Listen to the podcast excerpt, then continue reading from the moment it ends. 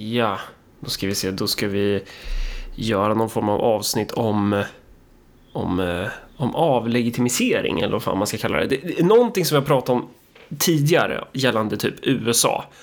Och så ska vi sitta och allmänt doma lite. Alltså, jag vet inte om det här kommer att vara allmänt domande därför att det som vi kommer att säga kommer att antagligen vara mindre emotionellt och mindre pessimistiskt än vad helt vanliga amerikaner säger. Ah, okay, ja. Eftersom vi sitter på andra sidan eh, Atlanten så kan vi ha en viss eh, objektiv distans till det som pågår i USA nu. Men det som pågår i USA nu för den som har levt under en sten är, är mer eller mindre att jänkarna håller på att förstör sitt eget demokratiska alltså, system. Du, du följer väl inte svensk media? Inte, jag har inte så himla mycket tid faktiskt. Nej. Ja, um. visst vill man svara I don't listen to hip-hop som den där generalen i, i South Park-filmen. Jag, jag, känner att jag hamnar i allt fler sammanhang då man bara vill svara jag lyssnar inte på hiphop. Eh, ja. När han får frågan varför det bara är svarta soldater i, i självmordsbataljonen. Men eh, svensk media täcker ju nämligen typ ingenting av USA. Det, det var någonting nyligen om att så här ledaren för Proud Boys har fått så här 22 år i fängelse typ. Eller han ska döma sig. Eller någon, någon, det var något om det på grund av den här stormningen. Men innan vi går in på det här så har vi en viktig sak att avhandla. Och, och du blev vi bannad från Twitter för andra gången nu, eller hur? Det var första gången. Men du blev väl bannad alltså... när du sa att miljarder måste dö på grund av att det var någon som hade typ gjort någon chokladsemla eller vad var det? Just det, ja fast det var ju, det var ju bara en sån här temporär grej. Jag blev ju permanent bannad för att um, Ja, då du blev permanent? Alltså- roligt, med, ja men precis. Ja, men roligt med tanke på, på vad, vad det här avsnittet handlade om. Ja. Um, för jag blev permanent bannad från Twitter mm. för att jag citerade en sån här uh, en nyhetsartikel där någon hade skrivit för Trump som, som kommer att vara mycket av det som vi talar om idag. Han blev ju i, i samband med en av de här uh, åtalen mot honom så blev han liksom inkallad här för att göra ett sånt där mugshot. Uh, hos sheriffen i något jävla county. Mm. Och direkt så la han ut den bilden på, på sitt eget mugshot. Mm. Um, och det var hans första och, och, post va, sen han uh, kom tillbaka. Var det inte så? Att det, det var, han, han hade ju varit bannad från Twitter och sen så kommer han tillbaka och det första han lägger upp då är sin mugshot. Och det roliga där är så här att okej, okay, vad händer? På fem minuter så börjar alla se på det här som, du vet, fan vad coolt Trump. Liksom folk börjar se på det här mugshotet som en ball grej, som någonting som, som, som gör Trump coolare. Uh, och alla typ demokrater verkar som, som de lever i ett alternativt universum till det som, som, som vi faktiskt lever i. Tänkte att när folk ser detta mugshot på Donald Trump då kommer de att tycka fan vilken loser, han är inte cool alls. Ja, det. Och sen så var det då en artikel som bara hallå, alltså de blir inte rädda. De ser på det, detta mugshot och så tycker de nu ska jag stödja Trump mer. Alltså det här, hur kunde det här hända? Och jag citerar det liksom. You fucking retards. Like how could you not expect this would happen? Alltså det, och då var det det här. Um, att du kallar dem för retards? Ajabaja. Ja, precis. Alltså det får man inte göra för att det är, det, det, det är förminskande etc. Och du hade ingen möjlighet att förklara att du har tolkningsföreträde som du gjorde i Göteborg när vi körde vår livepodd? Ja, e exakt. Precis. Jag, jag, är en retard själv. Alltså, jag har papper från staten på det. Så det, det, det funkar. Nej, nej, det kunde jag inte göra. Men, men, men hur som alltså. Men vadå, men, men det här är viktigt. Alltså, är ditt konto borta nu eller är det bara att du kan inte logga in på det, eller hur? Ja, precis. Det, det, alltså, men, det är ju borta de facto. Alltså, det, fin det finns ett konto med liksom alla inlägg och liknande är inte tillgängliga. Så nu, nu alla Sverige, alltså alla, alla trådar om falukorv och fläsklägg med rotmos. Alltså. Ja, alltså det är helt... Eh, ja, vad heter du på Twitter nu då? Eh, det tänker jag inte säga. Alltså, varför? If you know, you know. så, ni, så, så, jag, jag får inte veta vad det är för... Okej, okay, ja, ja. det... du, får, du, får, du får hålla ögonen öppna för något sånt där Nordkorea-boostande shitposting-konto helt enkelt. Ja, eh, um, vi får se vem som hittar det först. Jag, jag, jag, såg några som bara sa, vet du vad? Är, är, Is Tinksorg back? Och så var det någon som länkade det kontot som jag hade. Bara, här har du den här, alltså han håller på att posta massor med konstiga grejer om Nordkorea och har någon sån här autistisk utläggning om vad folk åt på medeltiden. Jo, det måste vara han. Ja, var det, var det du då? Så. Eller var det fel? Ja, det var faktiskt jag. Så det, så det som sagt, liksom search and you shall find pilgrims. Okej, okay, ja tack. Det är bra. Ja, okej, okay. men så här, det, det vi vill göra här jag kommer luta mig tillbaka lite och så får du dra lite i det här avsnittet för det, det, det, det händer ju grejer i det där jävla landet. Uh, som, mm. om jag förstår dig rätt, så du... Så vi, vi har ju snackat till och från om att ah, men det, finns, det kanske finns en risk för inbördeskrig i USA. För att de ja. håller på och sliter isär det här landet. Och det här är någonting som vi har tjatat om i flera års tid. Hur man liksom går från... Vad ska man säga? Hur man går från den här ömsesidiga idén om att politiken är snarare mer, alltså det är snarare en spelplan än ett krig. Men att det här har eh, man, båda sidor i USA har mer eller mindre insett att så här, nej, politik är fan krig. Eh, så det är inte som en hockeymatch där du behöver motståndarlaget för att kunna spela matchen, utan eh, det, det, är ett krig och du, du, du, motståndarens funktion, eller fiendens funktion i kriget, det är ju att dö så att du kan leva, typ. Att, att det blir liksom, och när du väl löser upp de här reglerna då är tandkrämen ut ur tuben. Um, och, ja. och, och, så du, du, bränner inte bara, alltså du, du bränner ju systemets legitimitet någonstans när du går in i den här typen av logik. Um, och det där har vi snack, tjatat om till och från och sen så uh, Ja, vi, det, det har, har, väl inte blivit lugnare där borta direkt. Nej, och här behöver man göra eh, eh, en rad sådana här metapoänger här, liksom poänger om, om, om diskussionen egentligen. Mm. Den första poängen som man kan göra, som, som hakar in i precis det som du sa, är ju att okej, okay, om vi tänker oss vad poängen med att ha en demokrati är, mm. så är inte det, alltså folk tänker sig att i en demokrati, då är det så här, det som jag vill, eller det som liksom väljarkollektivet vill, liksom, det är det som blir policy sen. Att det är så här att demokratin är till för att vanliga människor ska få bestämma hur politiken ser ut. Mm. Och alltså, det är en poäng, men det är inte poängen med stort P egentligen. Du kan se det med till exempel den här NATO-frågan. Där det är så att man bara säger så här att vi kan inte ha en folkomröstning om det för att så här. Alltså folk kan tycka fel. Ja, precis. Um, vi kan och, inte ha folkomröstning alltså, om superbussarna eller om, eller om EMUn som snart kommer komma också tror jag. När de ska införa euro. Ja. Så för att och, vi kan och grejen är så här. Ja, ja, fortsätt. Ja, nej, men det var det. Det var bara det. Ja. Nej, men, men, men, grejen med det är ju så här att jag kan ju tycka att det är liksom dumt. Jag behöver inte hålla med den här äh, regeringen eller sossarnas hållning i NATO-frågan, vilket är typ att vi ska ha det och sen så ska vi inte ha en folkomröstning om det för då kan folk tycka att vi inte ska det.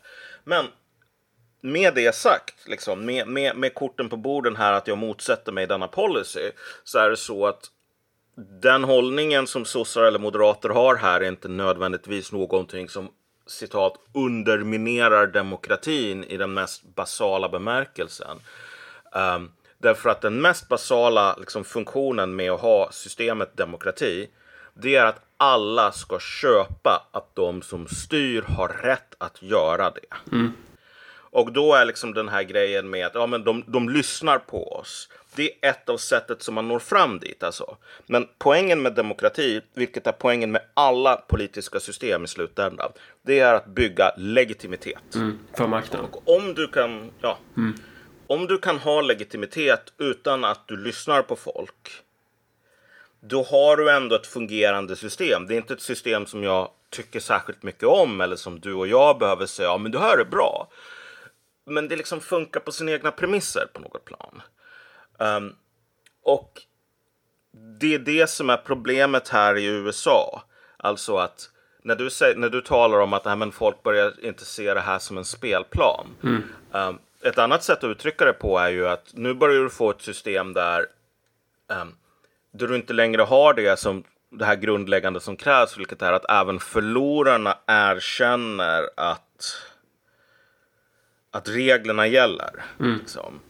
Därför att alltså, poängen, med, poängen med, med, med ett val är inte nödvändigtvis ens att kora liksom, en vinnare, utan poängen är att se till så att förloraren köper att han förlorade. Om förloraren inte köper att han förlorade för att liksom, det finns ingen respekt för reglerna längre, då har, då har, då har systemet kollapsat. Och då, då har du oändliga möjligheter att ta till våld eller fusk eller tvång eller vad, vad, vad fan som helst. Och det är det som verkligen håller på att ske nu i, i, i USA. Och när du säger så här, förloraren accepterar inte att den förlorade. Menar du Republikanerna då, eller menar du Demokraterna? Det, det, det, kanske inte, det kanske är oväsentligt för poängen i sig, men, men så jag tror att många i Sverige har ju bilden av att det är glasklart att Trump inte vann förra valet. Och den, ja. den poängen delas, alltså den bilden delas ju inte av amerikanska befolkningen. Det är väl typ så här, hur många är det som inte litar på resultatet? Och det är väl också, Exakt, det, alltså det... det, är också ganska uppdelat mellan republikaner och demokrater va? Men, men typ republikanerna, då är det väl en övervägande majoritet som inte litar på... Ah, här, nu, ska, nu, nu sitter jag och bara drar saker ur röven här, men det är väl ganska hög andel ändå. Ja, ja, ja, men du drog, du drog, det som du drog i röven här äh, motsvarade liksom opinionsmätningar och liknande i USA. Så jag menar, din, din röv har vissa, liksom ibland har den rätt, ja. helt enkelt. Ja. Äh, men och det, det, är bra att du tar upp det här av, av två anledningar. Det första är att det, det, kan vara värt att diskutera lite grann valet 2020 och dess effekter mm. uh, innan vi går in på de här grejerna nu. Men sen också att det här låter mig göra, komma till den här andra metapoängen som, som är viktig att göra innan man börjar diskussionen, vilket är att jag följer ju som sagt inte svenska medier överdrivet mycket för att jag skriver för amerikaner och då måste jag lägga ner ett antal timmar, egentligen ett antal timmar per dag på att följa typ amerikanska Alltså du, behöver, det, alltså, du kollar väl inte på barnprogram heller? Det är väl... Nej, nej, nej men precis. Och det är väl, det, det hade, du hade ju lärt dig mer om vårt samhälle idag genom att kolla på Bamse än att typ ja. titta på SVT. Ja, jo men så är det ju. Men, men det, jag har inte, jag kan, jag kan inte säga att jag äh, kollar noll eller följer mm. svensk media noll. Så det, det som mitt intryck av att följa de här grejerna och jag var ändå inne och kollade lite grann innan vi började. Det är att du har ungefär, du har en väldigt blasé attityd från svenska journalister angående det här. Vilket är mer eller mindre att om du läser den svenska nyhetsteckningen på, på problemen i USA, då är det mer eller mindre så här att okej, okay, Donald Trump, han har lite problem nu på grund av att han typ alla fattar att han är en korrupt snubbe som är lite så här halvfascist. Och nu så har hans korruption kommit ikapp honom så han blir åtalad. Mm. Och um, han kommer antagligen att hamna i fängelse, men det är inte någon större deal liksom. Därför att alla liksom fattar att ja, men är man korrupt och har man som är korrupta grejer man håller på med, men då hamnar man i fängelse. Så liksom så här. Och sen finns det vissa människor som stödjer Trump som är lite sura. Um, alltså, mer eller mindre, du får inte ens någon sån här Bagdad-Bob, utan det är liksom mer folk som bara säger så här. Om jag ska göra en jämförelse så att folk ungefär fattar. Tänk dig under, mitt under så brinnande flyktingkris. Mm.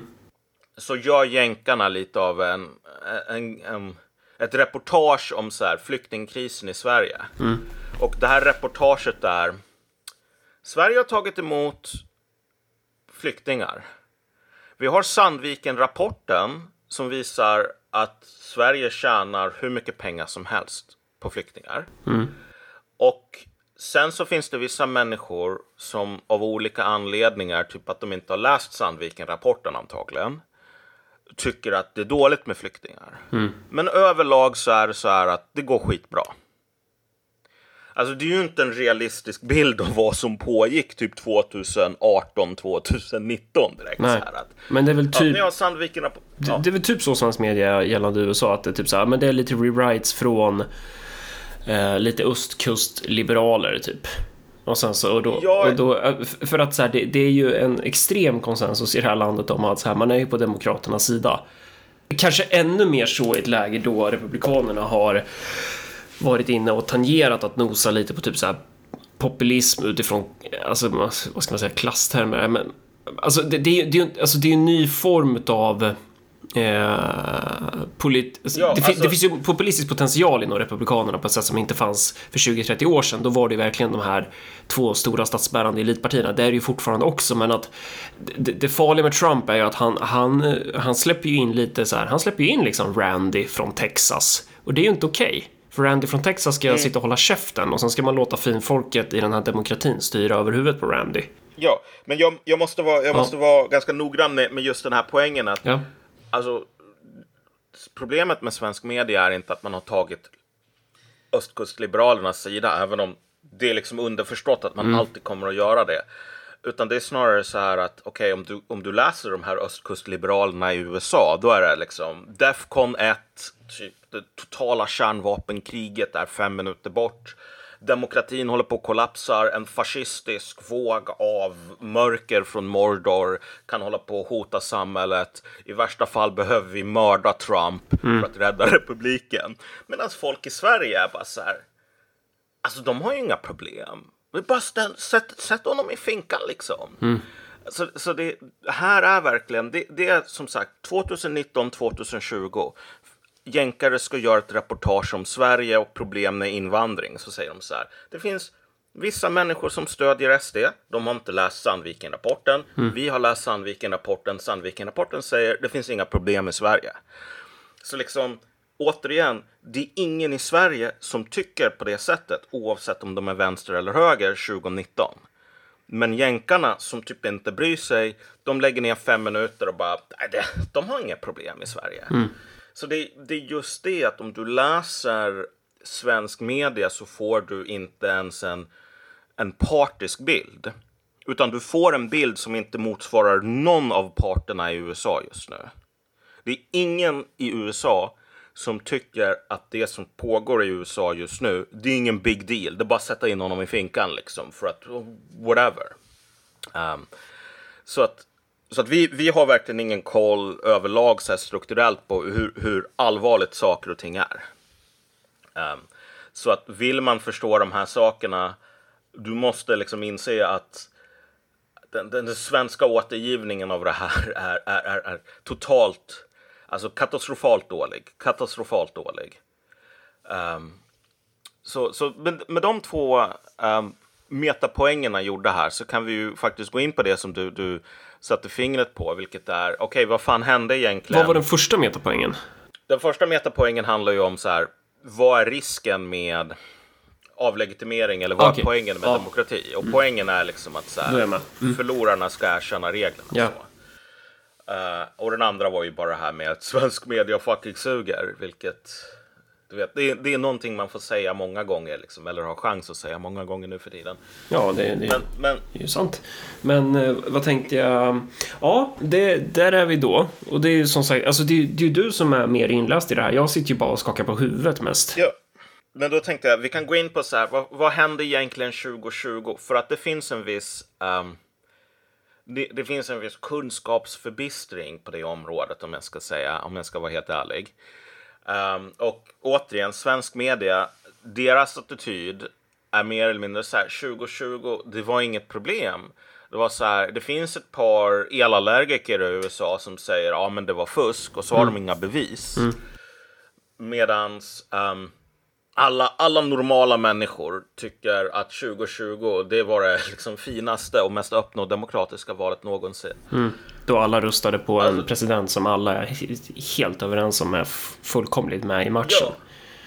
Alltså det här, det här motsvarar inte realiteten. Därför att, alltså, och för att förstå vad som var, varför 2020 var objektivt ett jävla katastrofval så kan man tänka så här att om du, om du är domare, liksom, du, du har en domstolsprocess, du har två parter.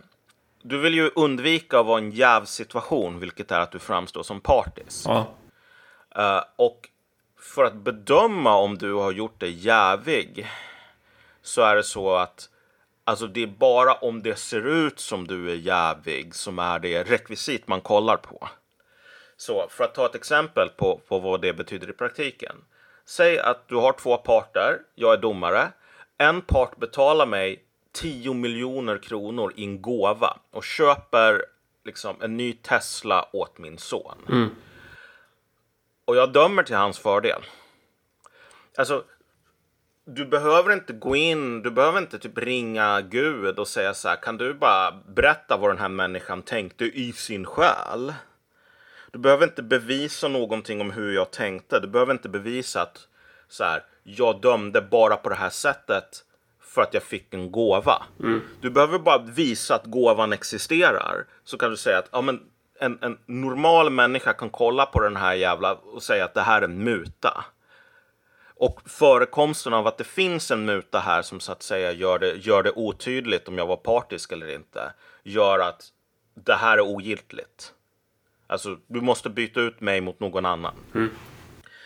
Och så, så poängen här är bara att du behöver, eftersom vi människor inte kan stirra in i hur andra människors tankar så kan vi bara se på beteende, eller hur?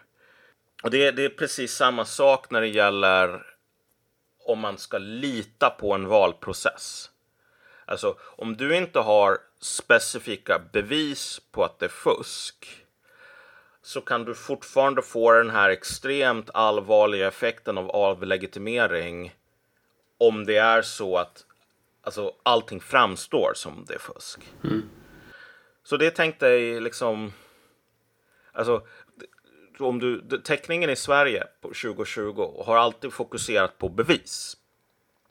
Men tänk dig liksom, i en relation till exempel, om, no, om, om din, din partner misstänker att du har varit otrogen, för att det finns jättemånga så här indicier. Mm. Om du säger till henne då att så här, ja, tills du har bevis som räcker i en domstol. Fuck off. Så kom, alltså, hon, hon, kommer ju, hon kommer ju inte då säga ja ah, det är sant och sen så kommer hon lägga känslorna på hyllan utan då kommer hon tänka då att det, det kommer fortsatt kännas lite jobbigt. Ja, och ja. du bara jävla idiot. Bara, du, du anklagade mig för att typ vara otrogen bara för att jag har massor med sms från den här tjejen. Och kommer hem och luktar parfym. Men jag kanske var på en parfymfabrik. Har du inte funderat på det? Jag kanske var på en parfymfabrik och bara testade olika parfymer. Mm. Men om man, alltså här, om man dejtar alltså, en svensk domare så kommer ju den svenska domaren bara Ja, det är sant, det är mycket rimligt. Och så kommer, kommer det inte hända ja. något. Ja, men, ja, men precis. Jo. Uh, nej, men alltså, så, så liksom poängen här, mm. problemet här är väl lite att så här, om du kombinerar så här att ja, men vet du vad, du har inte perfekta bevis med att kalla din, din, din partner en idiot. Alltså du vet relationen kommer ju inte att hålla. Men det är väl en um, jävla massa turer 2020 som är liksom kontentan är att så här. Det pekar mot, mot att så här, det var inte helt legit val. För att för det första, sättet du håller val på i det där jävla landet är ju inte på ett sätt, utan du har ju olika, visst är det så? Det är olika system, det är olika förfaranden, olika sätt att räkna rösterna ja. på. De har väl typ upphandlat olika företag till att göra också. Uh, ja. Så det, det, är ju en sörja i sig. Uh, och sen så så var det, det var ju ett omstritt valresultat, om man säger så. Ja, det, och, och vi, bara för att vi kan, vi behöver inte gå in jättemycket på detaljer, men vi kan Nej. bara nämna väldigt kort vad de olika ä, ä, ä, punkterna här som, som var weird var. Mm. Och den första punkten som gjorde att folk bara känner att nej men jag litar inte på det här, det är ju det här med att det, det är öppet erkänt att olika institutioner, inklusive statliga institutioner, gick in och satte tummen på vågskålen för att se till så att Trump inte skulle vinna. Okay. Det mest specifika exemplet här har att göra med Hunter Bidens snopp. Hunter Bidens snopp. Mm. Ja, för att Hunter Biden, Joe Bidens son, är nu indragna, indragen i så här massa korruptionsskandaler och han, han, han är erkänt fuck up liksom. Um, men innan, innan valet så var det så att han hade lämnat in sin bärbara dator på eh, reparation och så var det liksom någon som upptäckte vad han hade på den datorn och läckte det. Mm. Grejen var så här att alltså Facebook, Google, um, Twitter gick ihop för att typ banna alla som delade den historien. Och då, alltså snubben som jag jobbar för, bland annat Sora Bamari, var, var um, redaktör för New York Post, vilket är typ typ andra, tredje största tidningen i USA eller någonting. Så det är liksom, tänk dig så här, Expressen i princip. Han jobbar inte för dem längre, men han jobbade för då, dem då under den tiden som det här utspelade sig. Och då var det ändå så att New York Post la upp den här äh, berättelsen och de fick sitt konto nedstängt uh, på Twitter. Och så här, du hade liksom folk från FBI och liknande som gick ut och sa att den enda anledningen till att man lägger ut det här det är om man är en rysk spion för att det här är hittepå. Och de blev alltså nedstängda utan att säga att Liberalerna är retards? Ja, exakt. Ja. Utan de blev nedstängda för att de delade rysk uh, missinformatskaja. Ja, just det. Um, problemet är bara så här att det här var inte kompromat eller missinformatskaja, utan det var ju sant. Och du vet, efter valet så sa man vi bara skämtade om det här med, med att det var från Ryssland. Och du vet, när du, när du har alltså, när staten går ihop med privata företag, mm. in liksom valprocess här, mm. och bara säger att om du säger någonting negativt om den här personen, då kommer vi att ta bort dig. Mm. Uh, och den här personen råkar vara sonen till en presidentkandidat. Alltså då, då börjar folk bara tänka, hmm, finns det jävsituation här? Så det är den första grejen. Den andra grejen har att göra med att om du tänker dig så här, covid. Uh, covid användes som en, en ursäkt för att göra väldigt många um, ändringar i olika valprocesser. Mm -hmm. De här sakerna sköts ju på delstatsnivå. Det finns inte um, det finns i princip inte enhetliga regler för hur val ska gå till. Mm.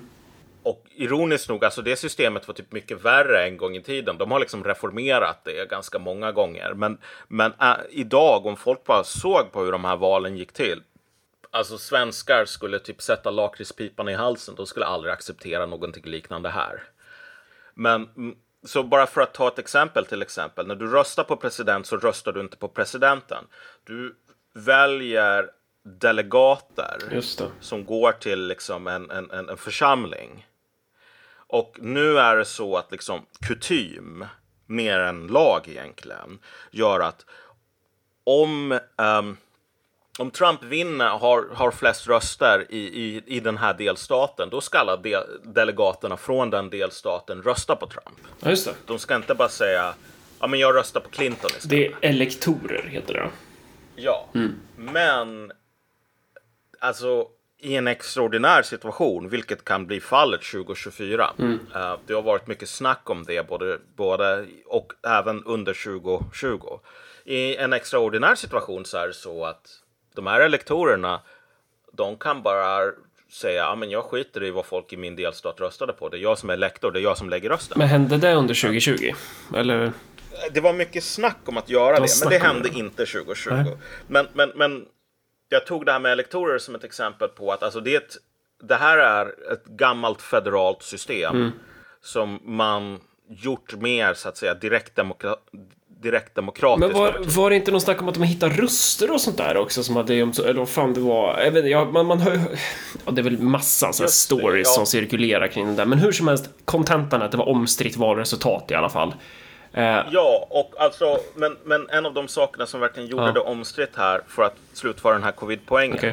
Det är så att du hade massor med ändringar i hur de här valen gick till som var alltså bokstavligen okonstitutionella.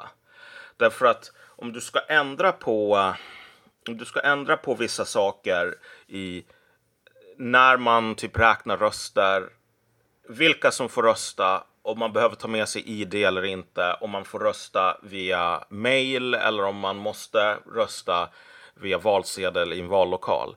Det här är någonting som den lagstiftande församlingen i en delstat eh, har, har ensam kompetens om att ändra. Mm tänk dig om jag ska gör, göra en liknelse här.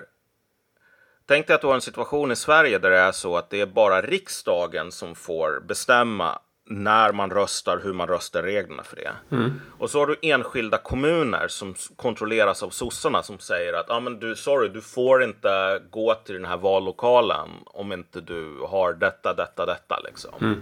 Om du äger en epa-traktor, liksom, för då, då är du höger. Vi vill inte ha massa med Men mer konkret, var, hur, hur hindrar man då? Var det, var det att man sa du är smittad, då får inte du rösta? Eller vad, eller vad var... Nej, det var, det var inte så att man hindrade, det var precis tvärtom. Det var så att man, man sa alltså, du behöver, du behöver inte ID, men du kan bara skicka in din röst via mail. Okay. Mm. Och problemet är att sån här mail-inröstning, det är en jävla katastrof i USA. Mm. Um, och när du har det så är det väldigt enkelt att hålla på med fusk, ärligt talat. Och det var också så att man, man skar ner på olika krav när det gällde så här att man ska matcha signaturer och liknande. Så att här har du en situation, det är återigen att du kommer hem och du, du luktar parfym och du har massor med liksom, läppstift över dig. Alltså det kan ju bara vara att du någon sån här weird freak läppstifts accident så. Och du har inga konkreta bevis på att det inte var så. Men alltså, det är ju någonting i det här fallet, de här ändringarna man gjorde, var saker som verkligen öppnade strukturellt upp för att det är mycket enklare att fuska, för att du har mycket mindre kontroll. Mm. Det är inte som i Sverige där det är så att du har det, vi, vi har så här väldigt noggrant med att ja, det har vi inte. producera. Ja. Ja, men i, i relation till USA ja. så är vi en borgkub. Liksom. Vi, vi är typ Vulcans i Star Trek. Mm -hmm. um, alltså, folk har ingen aning om hur, hur, hur kassa de här systemen är. Och det var också massor med kontroverser sen när man skulle liksom göra omröstningar och det var liksom valsedlar som saknades och vi kunde inte hitta var de här rösterna kom ifrån, massor med sånt. Men, men okej, men 2020, det var, det var omstritt val då? Det var extremt omstritt mm. och många av de här ändringarna som gjordes, om du gör någonting, om du ändrar på ett system mm. och det är så att de ändringarna du gör, de är olagliga. Det är guvernören som går in och säger så här att ah, men på grund av covid så ändrar vi på vilka som får rösta och liksom hur du måste gå till, bete dig för att rösta. Och sen så säger man, ja ah, men vet du vad, guvernören får inte ändra på det här. Men sen säger man, ja ah, men valet har redan skett, lagt kort ligger, oj då, liksom, tänk efter nästa gång. Alltså det är inte en bra situation. Och då, en, en, en, slutgiltig poäng bara här som också är att göra, det är att jag satt och kollade på det här valet, alltså med min paj-dygnsrytm liksom och för att jag höll på att skriva för, för jänkarna. Så jag, jag satt ju på valvakan väldigt lång tid. Fram till klockan sju på morgonen eller någonting här, svensk tid. Och det roliga där var så här att det hände någonting som alla de jänkarna som jag talade med, de hade aldrig sett det här tidigare. Um, vilket är inte specifikt den här grejen som folk kanske känner till, att det var ett jättestort hopp i hur många röster som Joe Biden fick. Så, så att um, det, det gjordes det massor med memes om, liksom, att de här kurvorna uh, Först så ligger Trump över i hur många röster som man får och sen så bara ett stort hopp helt plötsligt och så ligger Biden över. Mm -hmm. alltså det, det, det, var lite mysko i sig, men det är snarare så här att en av de grejerna som hände var att i flera av de här battleground states, de staterna som, som man de facto slåss om om man ska bli president, så var det så att valdistrikt mer eller mindre sa att vi upphör med rösträkningen nu. Because reasons. Uh, och I något fall var det så här, ja men det, ett vattenrör sprang läck. Och i vissa andra fall så sa man bara, nej men vi upphör bara. Mm. Um, och problemet är så här att USA är ett, ett, ett, det, det, är liksom ett vilda västernland många gånger. Så att alltså, de har ett antal uh, historiska exempel där alla accepterar att det var valfusk. Liksom. Uh, speciellt på lokal nivå, liksom i Chicago och andra sådana här korrupta städer. Mm. Och så att när folk, när du har de här helt okontroversiella fallen av valfusk där liksom alla bara Richard Daley, liksom borgmästaren, går ut och säger ja, jag vann det här valet genom att fuska.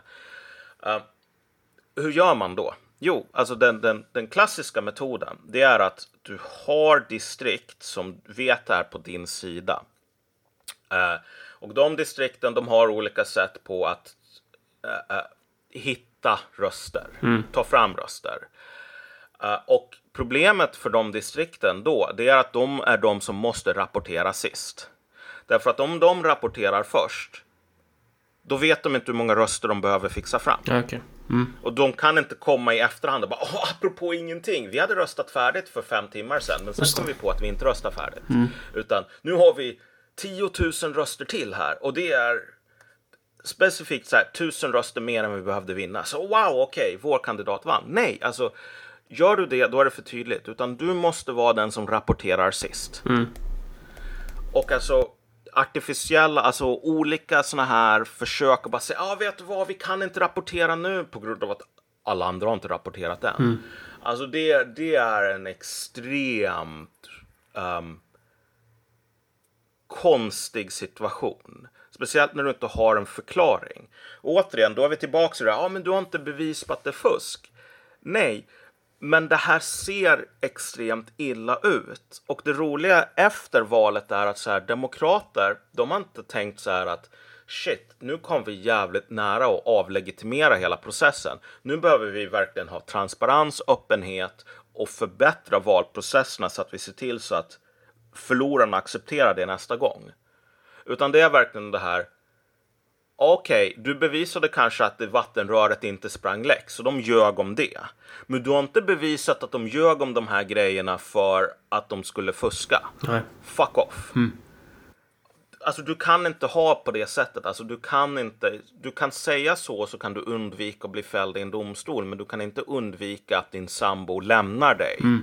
För att du behandlar henne som en idiot när hon misstänker på ganska goda grunder att du är otrogen. Mm. Liksom. Um, så, så 2020 i Sverige, vi ser det som ingen big deal. Alltså det var, det var inte en big deal i bemärkelsen att man hittade konkreta bevis på att valfusk skedde. Och det var jävligt mycket skojare liksom på den republikanska sidan. Massor med liksom bullshit också. Men processen var objektivt en katastrof. Alltså du, valet 2020 gick till på ett sätt så att om du kör två sådana val eller någonting, då har du inte ett demokratiskt system kvar. Och vad vill man gå igenom sen då? Är det typ 6 januari 2021? Eller vad är nästa liksom delpunkt i den här bakgrunds... Uh, ja. För då, för då det, det är då stormningen av Kapitolium sker och, um, och och sen så, så här, ger man de här människorna så här, brutala fängelsestraff. Om de ens får fängelsestraff. För vissa sitter väl kvar i någon form av häkte typ och typ får, ja, kuk varje dag typ. Alltså, ja, 6 januari är jävligt intressant ja. på grund av att så här. Och vi snackade ju om 6... det också i en avsnitt tror jag, men ja, skitsamma. Men ja, 6 januari är intressant. Alltså så här, det roliga här med, med 6 januari är att alltså, i sig, i, i ett alternativt universum där det här hade varit, och du vet den andra sidan som höll på, så skulle nog inte, alltså om det var demokrater som gjorde det här så skulle republikaner, alltså de skulle inte vara glada över det, de skulle kanske inte riktigt rycka på axlarna. Men alltså, de skulle se det här som, ja men demokrater är demokrater och håller på, de gillar att hålla på och protestera. Mm. Därför att det, det, det riktigt weird med 6 januari är faktiskt inte våldet den dagen. Um, du hade alltså liknande situationer. Jag tänker så här nomineringen av Brett Kavanaugh till Högsta domstolen. Alltså det var, det var folk som ockuperade Kapitolium.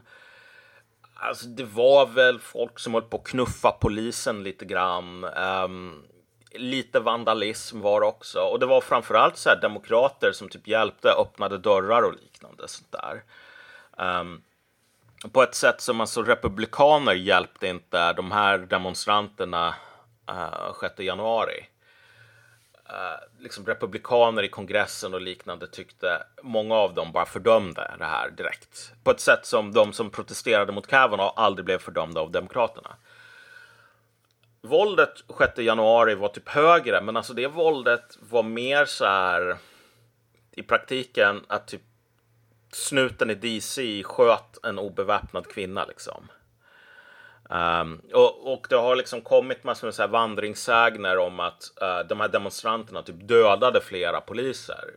Liksom. Men, men de, de historierna har verkligen varit så här råttan i pizzan nivå. Men då har, typ, inte, har inte det hänt? Var det inte en snut som dog? Nej! Nej! Nej, alltså det var en polis som dog. Mm.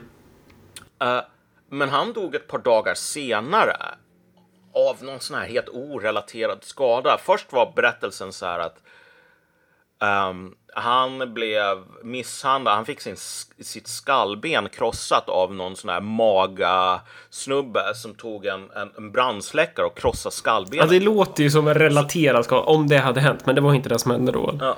Nej, men alltså du vet, hans familj gick ut och sa så här. Han dog inte på grund av att han fick skallen krossad av någon jävla um, brandsläckare. Vi vet inte var det kommer ifrån. Men han dog av så här. Vi vill inte prata om skälen, men alltså han kan ha begått självmord eller någonting. Det, um, och det, är, det var ett par av de här snutarna som har nu är döda för att de tog livet av sig typ ett år efter eller någonting. Det är ju jävligt Vilket... weird dock. Ja, precis. Alltså det är ju folk som får det till att ja, men det här var ungefär som att de här demonstranterna dödade dem. Ja, de, blev, ja, de blev så skärrade av det de såg den dagen så att de tog livet av sig. Ja. Vilket... Nej, så kan man inte säga. Ja, precis. Alltså, det... Det, det, det är en ganska weird grej. Alltså, det är... Var demonstrationen verkligen Eller så borde så man köra, köra på det. Att alla som tar livet av sig i Sverige gör det för att Örebropartiet inte har tagit makten än. Ja, ja men... Det är så här, och ni, och ni som inte släpper fram Marcus Allard fan blod på era händer. As. Ja, men i det fallet så är det ju sant. Ja. Det är det ju inte i det här, liksom, när jänkarna pratar. Men, men, men hur som helst, alltså så här. Så januari den sjätte, jag vill inte säga så här, det här var inte en grej. Eller det var inte chockerande eller någonting. För det, det var en grej. Den var väl chockerande på många olika sätt, speciellt eftersom så här, eh, republikanerna tappade kontrollen över sitt eget folk framför allt. Um, ehm, Trump går ut och säger så här på typ Twitter, eller han har någon sån här presskonferens där han säger liksom lyssna på polisen, håll inte på, det här är inte Amerika att hålla på och krossa fönster liksom. Han säger väl, alltså, ja, säger han det? Han säger väl typ walk away patriotically. But ja, peacefully ja, men alltså, eller någonting. Ja, någonting sådant. Ja. Men allt det här snacket om att han bara, ja vet du vad, gå och typ spöa polisen. Nej, det sa han ju dock inte. Nej.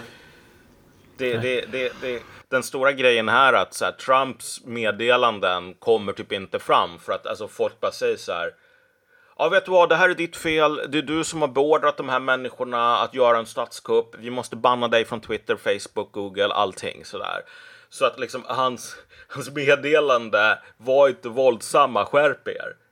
Det blir förbjudet på grund av att han uppmuntrar folk att vara våldsamma. Liksom, så att alltså, folk har redan bestämt sig innan.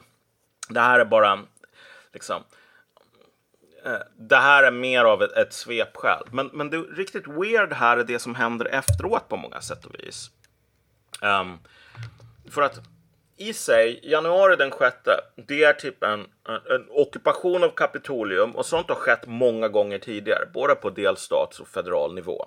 Eh, och sådant skedde under Trump, det skedde med Kavanaugh, jag tror det skedde någon annan gång.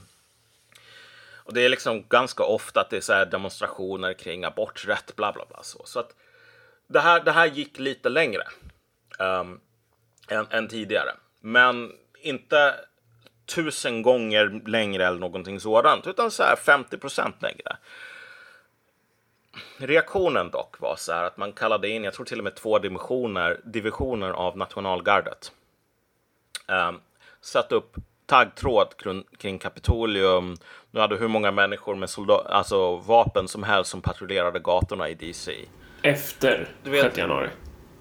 Ja, exakt. Ja. För att man var rädd för, du vet, att det här var bara första stegen i Baines jävla masterplan här, att ta över Gotham City. Och grejen är att man, alltså den här bilden med att använda en 40 000 soldater i uniform för att skydda den politiska eliten mot den egna befolkningen. Alltså så här, du har inte haft 40 000 amerikanska soldater i uniform, eller 40 000 soldater överhuvudtaget i DC, sen bokstavligen sen typ britterna ockuperade Washington på början av 1800-talet tror jag. Um, alltså det här, det här är någonting man typ inte gör. Men man gjorde det i det här fallet. Um, så att det var verkligen mycket så här Sturm und Rang. Um, använda statens maktmedel för att visa att nu jävlar, nu ska ni sluta mopsa er. På ett sätt som, alltså om Trump hade gjort det här så skulle för det första skulle hans generaler antagligen ha vägrat att lyda de orderna, men alltså det skulle, folk skulle yla efter hans blod. Alltså du kan inte sätta en 40 000 man i uniform på gatorna i DC som Trump och bara jag gör det här för att jag är rädd för att det finns folk som hotar rikets säkerhet. Han skulle bli anklagad för att vara fascist. Mm. Ganska goda grunder i det här fallet liksom. Så det var aldrig någonting, någonting han gjorde och det är ingenting som görs regelbundet efter presidentval. Så att det här var verkligen någonting vi har inte sett det här tidigare, någonsin. Nej, och sen så tryckte de in jävla, jävla massa folk i häkte eller fängelse var det väl också? Exakt. Och, det, och, det och, de, och, och sättet man hanterar dem på var kanske inte, stod kanske inte riktigt i proportion till vad som hade hänt. Alltså det där är verkligen det som är den mest skadliga grejen på många sätt och vis. Alltså, och det, det, det är också en sån här sak som inte märks när svenskarna läser den amerikanska Sandviken-rapporten där allting är bra. Um, för att om du tänker dig, det är ingen människa som har spärrats in för att de ockuperade Kapitolium när Trump ville nominera Brett Kavanaugh till högsta domstolen. Så liksom bara på det planet, det är ingen som har blivit åtalad, ingen som har blivit inspärrad. Men alltså ingen har blivit inspärrad i någon jävla federalt Guantanamo Bay.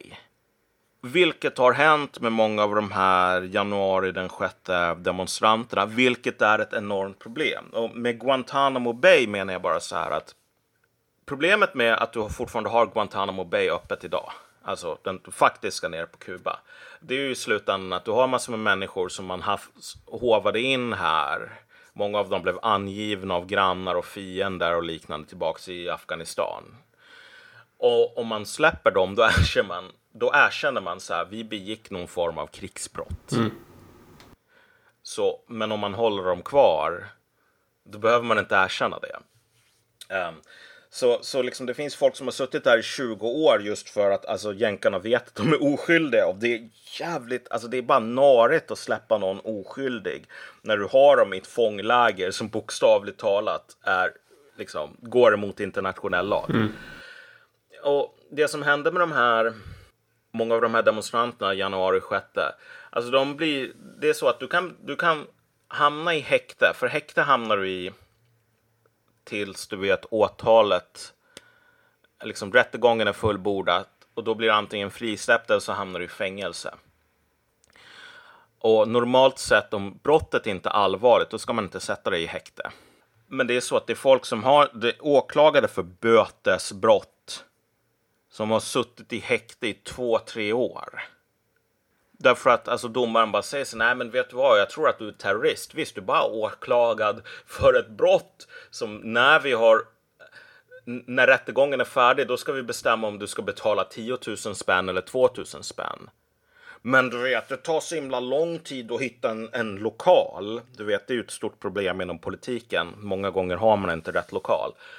Så i de här tre åren tills vi kan hitta en lokal, då får du sitta i häktet. Alltså du kommer att vara inspärrad de facto i fängelse i tre år för ett brott som inte har fängelsestraff. Mm. Och då har du massor med berättelser om alltså så folk som får, ja men de får stryk av vakterna. De blir spolade med så här vatten, alltså iskallt vatten, sådana där grejer. Jag tror det var någon som fan dog i häktet för att men han hade någon jävla kroniskt hälsoproblem, fick ingen läkare sådär. Alltså så här, att göra så mot typ afghaner i Guantanamo Bay, det är lite skämmigt. Men du vet, Guant afghaner, de röstar inte i amerikanska val. Nej. Om du, om du placerar folk i någon sorts juridiskt limbo, där där det är så att alltså, det är tydligt att du är en politisk fånge mer eller mindre. Alltså, normal, det är inte normalt att man sätter folk i fängelse eller häkte i tre år eller någonting för bötesbrott. Utan det är så här, det är jävla bötesbrott. Det är inte normalt att man spöar de människorna eller någonting. Om det sker, eller ens att folk misstänker att det sker.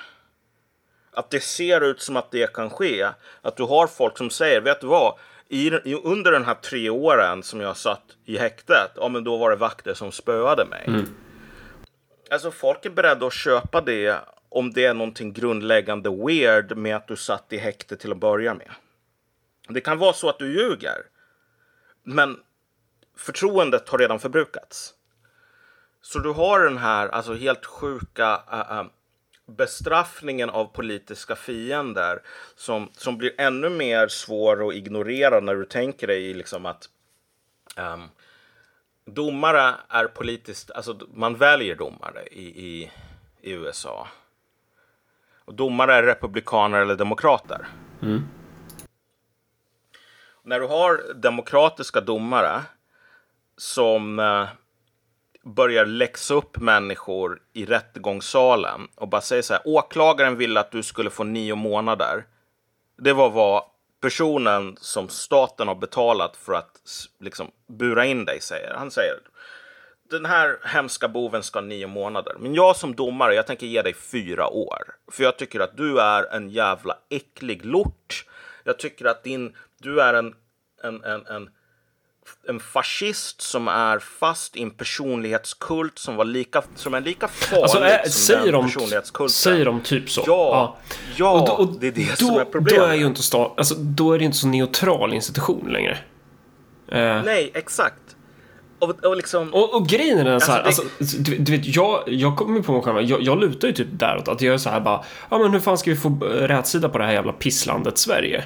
Eh, såhär, när, när, hela domarkåren bara unisont bestämt sig för att såhär, bara trycka in så mycket straffrabatt det bara går och bara fördumma varenda jävla eh, ärende i, i, i rättssystemet. Så att så här, hur mycket lagskärpningar du än kommer med från politikens sida så går det liksom inte det går inte hela vägen ut. Eh, så att, så att i det här landet skulle du typ behöva domare som bara säger nej, dra åt helvete, nu kör vi på det här. Liksom. Alltså att, att du har liksom medvetna kadrer. Men baksidan på det där är ju att du... du det, det, går ju om, om du riktar in dig på en, en ett skikt av befolkningen som är alltså yrkeskriminella semiterrorister som hotar liksom staten, typ. Men om du gör det där i ett läge där, där din... Det, fiendegruppen är typ så 50% av befolkningen det vill säga den, den andra liksom, sidan av politiken, då är, det, då är det ju då är det lite farligare att bränna den där institutionens neutralitet. Exakt, och du får tänka dig så här, på, man, kan, man kan se det här från lite ett annat perspektiv, att som politiker, okej, okay, du har de här domarna, de, de lägger på massor med straffrabatter av ideologiska skäl. Mm. Men alltså de gör dig fortfarande, okej, okay, de, de, de saboterar samhället inifrån, men de gör dig, medan de saboterar, så gör de ändå dig lite av en tjänst. Därför att de låtsas som att det inte är det de håller på med. Ja, just det. Och, och, och, så att när de kommer med de här straffrabatterna så säger de inte jag har bedömt, så säger de inte jag gör det här för att jag är en ideologisk sabotör, utan de säger att ja men du vet juridik är någonting objektivt och vi har studerat för liksom mm uh, uh, förorden och allting och därför måste vi ge den här personen två veckor för våldtäkt. Mm. men det här är liksom kejsaren. Um, tänk dig den här parabeln med kejsaren utan kläder. Ja. Och du är tvungen att låtsas att han har kläder på sig. Mm. Om kejsaren går runt och, och, och beter sig som att han låtsas som att han har kläder på sig. Jag menar, ditt jobb blir enklare, eller hur? Mm, ja. Men om typ du står där och han kommer fram och så börjar han kissa Alltså, och du bara Wow, vilka fina kläder du har liksom. Medan han står där naken och kissar på dig. Alltså, han, vad han gör är att han sätter dig i en omöjlig sits. Alltså, du, ja, du vet.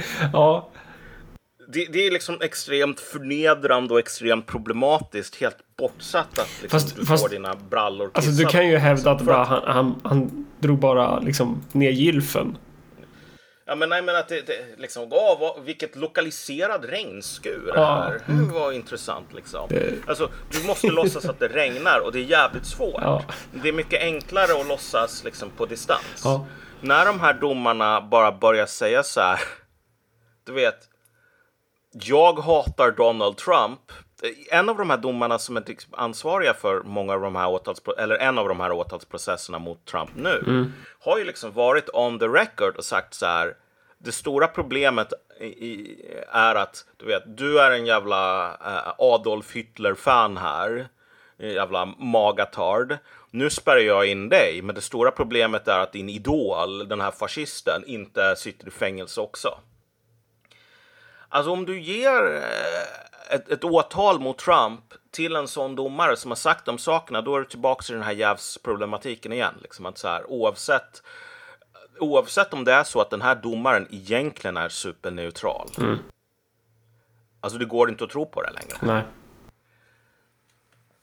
Så alltså, det är den sortens, det är det som är den sanna, alltså det, det sanna farliga med januari den sjätte. Alltså att det är framför allt de här sakerna som, som, som aldrig har hänt tidigare. Alltså det har aldrig hänt tidigare att du har haft en 40 000 soldater från nationalgardet som har smält upp massor med taggtråd och satt upp så här checkpoints med maskingevär och liknande i Washington DC. Det har aldrig hänt. Och liksom det här med att man spärrar in folk i Guantanamo Bay, liksom man sätter dem i något federalt häkte i tre år medan de väntar på rättegångsdatum för ett bötesbrott. Det har inte hänt heller. Det hände inte när Trump vann. Liksom, de grejerna, de var valfria. Mm. Alltså man kunde ha valt att inte göra de sakerna. Mm. Um, men man valde att göra dem. Man valde verkligen att eskalera på ett sätt som var extremt farligt. Och nu är det så att, alltså, jag tror en dynamik här för, för Demokraterna är så här att de har gjort alla de här sakerna nu. Mm. Vilket gör ironiskt nog att de har inte råd att förlora. Om du tänker dig, alltså när du väl får en sån här Alltså när, att, att det har eskalerat, det vill säga är de rädda för hämndaktioner från Republikanerna eller vad är det du menar att de inte har råd att förlora? Ja, i praktiken mm. så är det så att alltså, de här sakerna är nu, alltså man har korsat Rubicon helt enkelt. Så mm. de sakerna är nu så allvarliga så att om Republikanerna gör hälften så allvarliga grejer tillbaks mot den, alltså då kan man fan hamna i enorma problem. Det här är typ det här blir liksom det normala i typ så här romerska republiken när den håller på och går åt helvete. När du har så här Sulla och Marius. Om du förlorar, då blir du mördad. Men problemet är väl att vi har väl inte riktigt, eller så här. Nu, nu har vi pratat typ en timme om vad som har hänt, ish. Och det är ju relevant. Men var, var är vi nu då? Nu är vi i ett... Alltså, ska vi, ska vi, vad är det som har hänt i närtid här om man ska gå in på det? Ja. Alltså, mm. nu, nu, nu är vi i ett USA som är så här supersplittrat. Mm. Och där det finns jättestor misstro bo, mellan båda sidorna.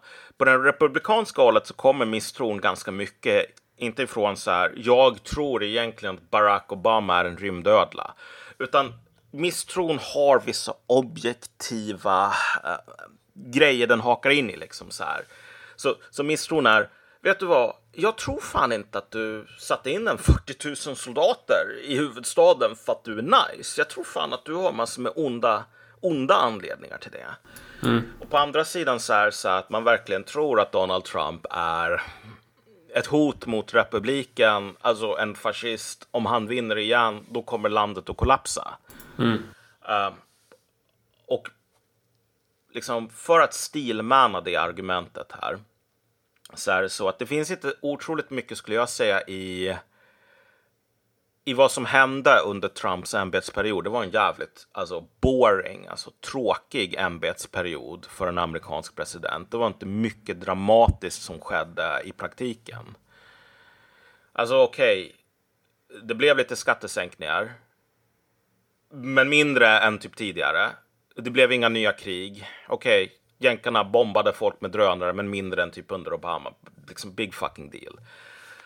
Men å andra sidan så är det så här att insatserna i det amerikanska politiska systemet är så jävla höga nu. Alltså, framförallt så kan Trump hota det utrikespolitiska etablissemanget liksom. Mm. Och där är insatserna, alltså det är liv och död. Det är, det är saker man mördar folk för, enligt uppgift. Uh, så, så landet är jättesplittrat just nu. Och det finns ändå reella liksom, materiella motsättningar på båda sidorna. Det är inte så att Demokraterna bara tänker att, alltså att de är irrationella. Um, och Republikanerna är inte irrationella heller. Um, och nu är det så att man har, alltså Trump totalt krossar alla andra kandidater i termer av uh, uh, det här primärvalsprocessen nu. Han ligger på typ 62 procent eller någonting, folk som kommer att rösta på honom. Närmaste snubbe ligger på 10-12 procent.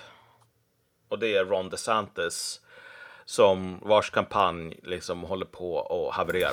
Vi räknade väl typ ut, eller vi, var inte du ganska inne på att så här, Trump skulle, att han var lite så här, att han var typ körd efter förra valet, att han liksom, att det var det är inte han som är eh, the real deal längre typ. Ja, alltså jo men precis. Problemet är väl lite grann att du har den här dynamiken just nu där det är så att varje gång han blir åtalad så säger han mm. så här. Det är inte mig de är efter. Det är dig. Det är dig de hatar. Jag ja. står bara i vägen. Det är därför de måste ha bort mig. Ja, just det. Varje gång han blir åtalad så blir det argumentet mer legitimt. Mm. Återigen, den här jävla Sandviken-dynamiken som vi har i Sverige. Bara, men det är ingen big jävla deal liksom. Så här, det är bara att spärra in honom för att han är en bov. Mm. Så här, jänkarna, speciellt jänkare i mitten och till höger, de ser det här för vad det är, vilket är någonting som typ aldrig har hänt tidigare, förutom kanske liksom åren innan inbördeskriget i princip. Alltså det är den nivån på polarisering och det är den nivån av så här normbrytande beteende från statsapparaten som du ser. Och de tänker så här, holy shit, om det här fortsätter lite till, då kommer vi ju hamna i typ inbördeskrigssituation my god, det här, det här, det här är världens katastrof. Uh, liksom, jag hatar Trump. Men alltså, du kan inte belöna det här. De här, de här jävla mordbrännarna håller på att kasta en molotov cocktail mot hela det, det republikanska systemet. Mm. Tänk om vi får nästa, eh, liksom nästa val och valet efter det på det här. Alltså, det kommer inte finnas ett land kvar. Så att du ser nu även folk som verkligen avskyr Trump. Som verkligen är 100% för typ Ron DeSantis eller någonting. Som säger att om DeSantis förlorar, det finns ingen chans att jag kommer att sitta hemma. Jag kommer att rösta för Trump därför att alternativet här, det är att typ hela det politiska systemet krossas. Och då kommer vi fan inte ha val 2028 sen. Det är det folk är rädda för i princip. Mm. Um, så att, så att alltså, i den situationen, då måste man stödja Trump i princip. Alltså inte att du vet, man får stryk från Gestapo om man inte gör det, utan det är så här. Det här handlar om att rädda landet. Det handlar inte om Trump. Um, det, det, de sakerna som görs är så alltså, katastrofala att de måste få ett slut nu. Så, så han har blivit en avatar på något plan för, för uh, typ jag vill inte att USA blir en bananrepublik. Jag vill inte att typ en 30 miljoner jänkare dör i ett inbördeskrig. Mm. Um, och det är ganska många som typ inte vill ha inbördeskrig, som inte vill ha bananrepublik. Så, att, så, så hans väg till nomineringen, alltså den är superenkel nu. I, I bemärkelsen att alla kommer att rösta för, för honom just av den här dynamiken. Uh, men däremot är det så att, hur ska man säga? Alltså strategin från Demokraternas sida är mer eller mindre att spärra in honom. Alltså få honom in i, in i fängelse. Och det där är ju så jävla stört. Alltså att, att det är... Att så här... Ja. Det, det är, det, det, det är ju verkligen att man... Här slår man ju ner med rättssystemet på oppositionen. Eh, ja. Och, och, och, så som man, så här, typ sossar och, eller ja, typ, så som alla svenska politiker grinar och ylar så fort man ens typ säger så här. Jag tycker du är dum i huvudet. Och då är det typ att man så här. Åh, det är ett angrepp på demokratin. Alltså så här, man är, man, smärttröskeln är ju inte jättehög i det här landet. Men om man då tittar på vad fan som händer i USA så är det ju förvånansvärt lite eh, svenska aktörer som, som tycks fatta hur jävla stört det är att de håller på och faktiskt åtalar Trump. Man kan ju tycka att Trump är helt sjuk i huvudet, men så här, det är ju, det är ju så jävla mycket att gå över gränsen. Och, sen, och speciellt så om han nu skulle ha vunnit det där valet. Om det nu är så att, tänk, tänk om det var så att han vann det där valet, då är det ju de facto så här presidenten de åtalar och det är väl många i USA som tänker att så här, han är fortfarande vår president. Ja, alltså en av de sakerna som jag tycker är mest fascinerande här och ja. återigen den här svenska Sandviken-rapporten-inställningen. Den, den, är, den är som värst här. Det är så här, en, en bekant postade någonting i stil med så här. Jag har läst igenom den här åtalet i, det är, jag vet inte vilken jurisdiktion just det, men det, Trump har fyra åtal mot sig. Ett av dem mm. handlar om så här han tog med sig papper, alltså så här, dokument från, från administrationen och han förvarade dem på, på ett olagligt sätt. Liksom. Han bara, jag läste igenom det här åtalet och det är verkligen så att den här mannen, han är objektivt skyldig. Uh, han måste spärras in för man kan inte ha ett land där det är så här kriminella som typ eh, styr. Liksom. Det här, helt oaktat, det här är inte politiskt, det här är empiriskt. Och det är bara så här, fuck off. Vadå empiri? Så här, Trump höll på att kampanja med så här, Hillary Clinton är en bov, lock her up. Uh, när jag vinner så kommer du hamna i fängelse. Sekunden som han blir vald sätter han sig ner och så funderar han i ungefär fem millisekunder. Och så säger han, jag kommer inte att spärra in Hillary Clinton. Folk frågar, men hallå Trump, varför skulle du inte spärra in Clinton? Du vet, hon är en bov. Så säger han, om jag spärrar in Hillary Clinton, då kommer det här landet att slita sönder. Jag tänker inte slita sönder USA. Alltså, det var bokstavligen det eh, argumentet han använde. Så här, du kan inte hålla på att spärra in fia, alltså dina motståndare i ett val.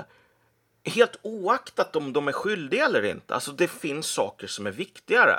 Ja. Så visst, alltså Trump var oansvarig kan man ju anklaga honom för för att han, du vet, sa lock her up, lock her up och så vidare. Mm. Men alltså, hans beslut att inte spärra in Hillary Clinton handlade fan inte om så här att hon inte har gjort saker som det går att spärra in folk över. Det är, så här, det är USA, alla gör det. Uh, bara för att ta ett exempel här på liksom hur, alltså hur mycket av ett skämt, liksom ett sovjetiskt skämt som USA blivit i den bemärkelsen när man ska hålla på och låtsas autistiskt att du vet, vi följer lagen. Vita huset är en av de mest säkra äh, äh, ställena på, på planeten. Du vet, man, det var en, en kortlivad kontrovers i, i, för, för typ ett halvår sedan, fyra månader sedan. Där det är så att man hittade en påse kokain i Vita huset. Så om du besö är besökare och du försöker smuggla in en påse kokain, good fucking luck. Det är extremt få människor som skulle kunna göra det. Därför att vanliga arbetare, du måste gå igenom hur många säkerhetskontroller som helst. Om du är en besökare, alltså du får ju inte vara i de här delarna av Vita huset som, som man hittade här. Så det måste ha varit någon som kunde um, kringgå de här säkerhetskontrollerna helt enkelt. Och så finns det en person som kan kringgå de här säkerhetskontrollerna som typ är i någon jävla rättsprocess över uh, att han typ har massor med kokain. Liksom. Han har blivit busted mm. för det tidigare. Hunter Biden med andra ord. Exakt. Mm. Vet, du vad, vet du vad man går ut och säger i, i media så här? Nej. Och alltså, vi kommer nog... Man, man säger det här liksom 24 timmar efter att det här uppdagas så säger man vi kommer nog aldrig att få veta vem den ansvariga var. Alltså tänk dig att säga det. Alltså det är någonting, det är ju helt fascinerande att man använder det uttrycket också. För att så här, om man säger vi har satt våra toppmän på det. Alltså vi, vi har bästa agenterna i FBI som håller på och kollar vem, vem som smugglar in den här grejen. Mm. Då kan man ju begrava det sen. Liksom. Folk kommer mm. glömma bort det. Men när man säger så här ja, nu har det gått 24 timmar. Innan vi har gjort en undersökning så vet vi att vi aldrig kommer att lyckas med undersökningen. Mm. Det är ju för att man vet vem det är. Men... Mm. Så, så, så poängen här är bara att, du vet, USA är inte ett system där det är så här, det är inte en borgkub, det är inte typ Vulcans i Star Trek. Det är inte så, någon begår ett brott, då måste man straffas. Utan det är så här, om du begår vissa brott och det är politiskt eh, problematiskt, nej men då behöver du inte straffas. Då behöver du inte mm. ens bli åtalad. Um, så att när folk åtalar Trump, då kan de inte säga, ja men vet du vad, begår man ett brott då blir man alltid straffad. Det här är USA, det är så det funkar. Alltså det är ingen som tror på det, det är ingen som köper det. Så återigen, du är inne i den här situationen där de här sakerna, även om det görs av korrekta skäl, så blir de inkorrekta, de blir destruktiva i praktiken därför att du har den här jävsituationen. Så, så och många av de här åtalen mot Trump är verkligen Vissa av dem är säkert så här bra eller att de håller ihop typ i alla fall. Liksom så att det här är inte, det här är inte fantasigrejer. I så. Det är ett åtal. Det är säkert ett dumt åtal. Det är kanske är ett åtal som har ganska tunt underlag. Men det är ändå ett... Liksom, det är på riktigt. Mm. Men typ hälften av dem är inte på det sättet. Så, så mm. du vet. Ett åtal, det här med den här mutan äh, mot en porrstjärna liksom. Mm. Där är liksom det som sägs ha hänt är att Trump hade någon affär med någon porrstjärna. Liksom, jag trodde det var rätt känt att han var ihop med Stormy Daniels. Ja, ja, men precis. Alltså, det, det, det, det, verkar inte vara någon hemlighet, utan det är snarare Nej. så här att Stormy Daniels säger så här, ringer till typ Trump och säger att ja, vet du vad, jag kommer att eh, jag fick ett erbjudande om att gå ut med alla så här detaljer om vad för sorts sex du gillar uh, nu under rådande valkampanj. Så jag tänkte om du betalar mig så här mycket pengar, då kommer jag inte att göra det. Mm. Och så säger Trump så här, okej, okay, vad fan, då betala. Så. Och så ger han i uppdrag till sin, sin advokat och skickar det här, gör den här betalningen.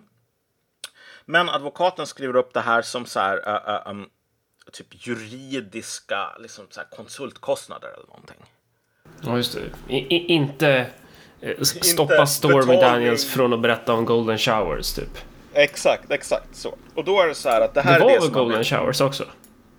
Var nej, det? nej, det var, det var en annan grej.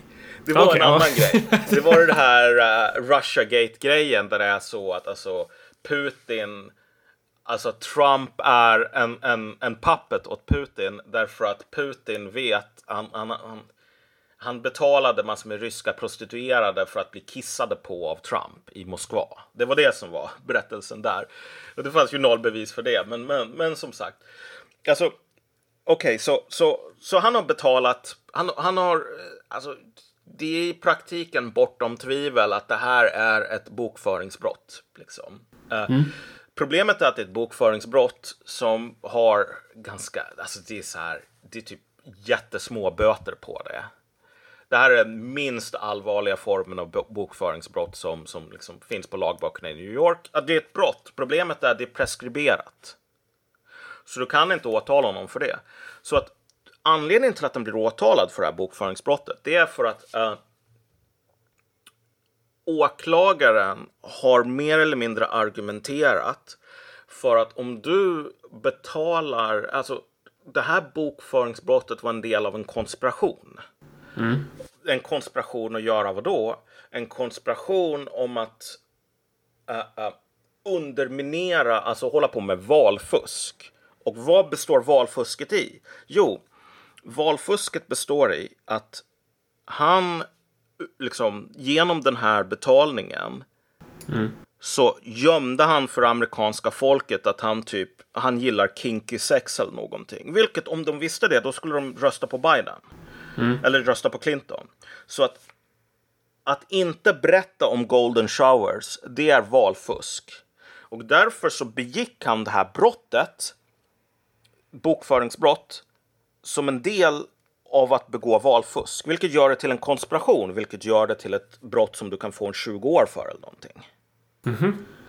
Men okej, okay, men du, du, ser ju det uppenbara, uppenbara problemet här att så här Alltså alla ageranden som påverkar ett val. Jag menar, om jag bara säger så här, vet du vad? Jag tycker fan Marcus Allard är en schysst snubbe som mm. skulle vara bra som statsminister. Och folk hör det och bara, ja men vet du vad, den här supersmarta Malcolm, om han säger det, då måste det vara sant. Mm. Har jag sysslat med valfusk då för att jag har gjort någonting som så att säga påverkar folks Eh, så att vi behöver, inte, vi behöver inte diskutera det här så, men, men du ser vad problemet är. Alltså att så här, det här är ett tror, det här är ett sjukt argument som aldrig har gjorts förut och nu ja. används det för att försöka spärra in Trump. Precis, jag tror att så här, nu så här, en timme och en kvart typ så tror jag vi, alltså så här, poängen är ganska tydlig så här, de, de, de spelar på, de fular sig liksom. Eh, och, ja. och, nu, och nu vill de sätta Trump bakom lås och bom och då kommer han typ bli, kan han ställa upp, han kan bli vald som president även om han sitter i fängelse, eller hur? Ja, det kan man. Och, och du kan som president typ benåda dig själv, va? Om det inte är typ en delstatsdomstol eh, som sätter det, eller? Ja, så är det. Um... Ja. Och har det skett att han har blivit åtalad via en delstat? Ja, exakt. Alltså det, det, det, det är fyra åtal. Två av dem är liksom i, i, i liksom delstatsåklagare som åtalar på grund av brott som är brott. Precis, han gjorde en intervju med, eh, med, med Tucker där eh, för några, några veckor sedan på Twitter. Eh, och då frågar ju Tucker så här. Eh, alltså, Tucker är inne på, jag vet inte om det är två eller tre gånger. Eh, eller så var det bara en gång, men jag, i min hjärna, så det känns som det var två eller tre gånger. Han frågar, så här, tror du inte att de kommer döda dig snart? Frågar han Trump. Och han typ så här undviker frågan först och sen så vad fan han säger, jag, jag, kommer inte ens ihåg vad han säger, men jag tänker det, det är ganska relevant typ att han så här bara frågar rakt ut, tror du inte att de kommer döda dig snart? Um, och sen så frågar de också, uh, tror du vi kommer få inbördeskrig? Och på den frågan så svarar väl Trump på ett väldigt Trumpaktigt sätt att bara så här, du vet, det är väldigt mycket passion i det här landet. Det är väldigt mycket passion, men också väldigt mycket hat. Det är något sånt. Uh, ja. Så han säger ju inte rakt ut, nej, det tror jag inte. Nej, Nej men precis. Och det där ligger lite grann, det där ligger lite grann i luften nu. Alltså du får väldigt olika svar i, i enkäter beroende på hur du formulerar frågan. Men man, man kör alltså enkätundersökningar. Tror du det kommer bli ett inbördeskrig i USA snart? Ja, Ja. Mm. Liksom beroende på hur frågan är formulerad så kanske du får en fjärdedel av befolkningen som tror att det här är någonting farligt på ganska och, kort sikt. Och då är frågan, har man alltid gjort det? Var, var det vanligt på 90-talet att man körde enkätundersökningar där man frågar så här? Nej, nej, nej, nej, nej, nej absolut inte. Alltså, nej. Så att, och, och, det stora problemet är att så här, om du tänker dig risken för inbördeskrig. Det finns en, alltså om alla tror, ja, nu blir det inbördeskrig, ja, men då blir det det. Det här är en objektiv faktor så. Ja. Uh, det, det, det, är den främsta, det bästa sättet att, att, att förutspå det är väl bara att kolla på, tror folk det? Ja. Därför att om de tror det, då kommer de att bete sig, då kommer de att förbereda sig för det. Och förbereder sig de för inbördeskrig, men då får du ett.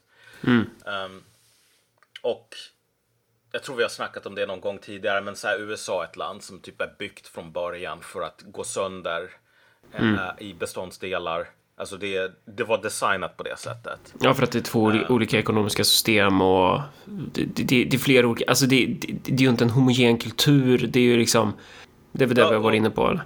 Och sen också så här att om du tänker dig typ nationalgardet, vilket är det man skulle vara tvungen att använda mot den egna befolkningen. Mm. Ja, det består men, väl av republikaner typ. Dels det, men sen är det ja. så att nationalgardet, om du tänker dig, det här växer ifrån en sån här spontan milis. Ja. Alltså USA en gång i tiden så tyckte man att man ska inte ha massor med stående arméer utan man ska så här, man ska lokal, det är kommunen som mm. går runt och ringer runt till folk och säger att ja, men nu behöver vi slåss. Mm. då är det kommunen som ska sköta det, eller liksom delstaten då i det här fallet. Mm. Uh, och sen efter tid, så precis som med det svenska hemvärnet, så ville man inkorporera de här grejerna under statlig kontroll. Så att staten har, den, centralmakten inte har potentiella konkurrenter gällande våldsmonopolet. Men sättet som man inkorporerade nationalgardet under statlig kontroll, det är genom att man helt enkelt ger dem stridsvagnar typ. Och så säger man, ni har inte råd att underhålla de här stridsvagnarna utan socialbidrag från Pentagon. Så nu, nu är ni beroende av oss. Men i en krissituation, då finns det två överbefälhavare för Floridas nationalgarde. Mm -hmm. Det finns presidenten i Washington DC och mm. så finns det guvernören. Mm.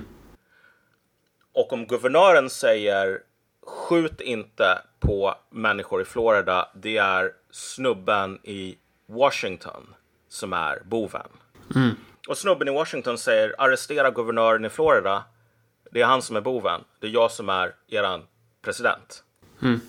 då har du en situation där soldater måste välja mellan order. Och då kommer Precis. de att välja, inte beroende på vem som har rätt, för att båda har rätt. Det är väldigt otydligt vem som står över vem, ens juridiskt.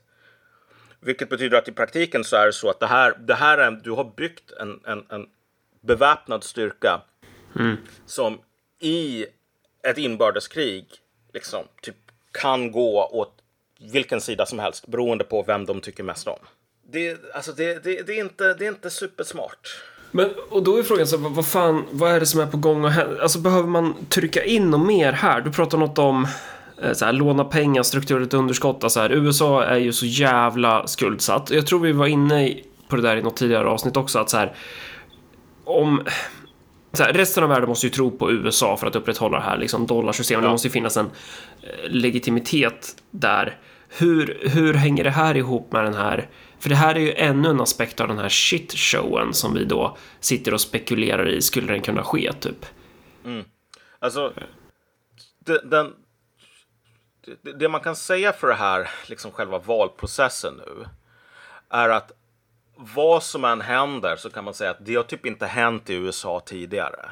Mm. Alltså det kan bli så att i värsta fall så kan USA, äh, äh, Trump bli vald till president eller värsta fall äh, inte för att jag tror att Trump är så himla hemsk i sig, men alltså reaktionerna på det från statsapparaten kommer nog att bli helt psykotiska. Um, det kan bli så att om Trump blir vald så försöker man helt enkelt få honom inspärrad i liksom, delstatsnivå. Och då kommer du ha en riktig konstitutionell kris där ingen vet vad man ska göra. För han kan inte president... benåda sig själv om man är dum i en delstat. Man Exakt, kan benåda sig själv om det är federal. Ja. Men det är också så här, om han sitter i Vita huset mm. och det kommer någon snubbe från typ Kalifornien och säger ja. så här, nu ska du följa med oss till fängelse. Det är ju inte som om de har våldsmonopol. Nej.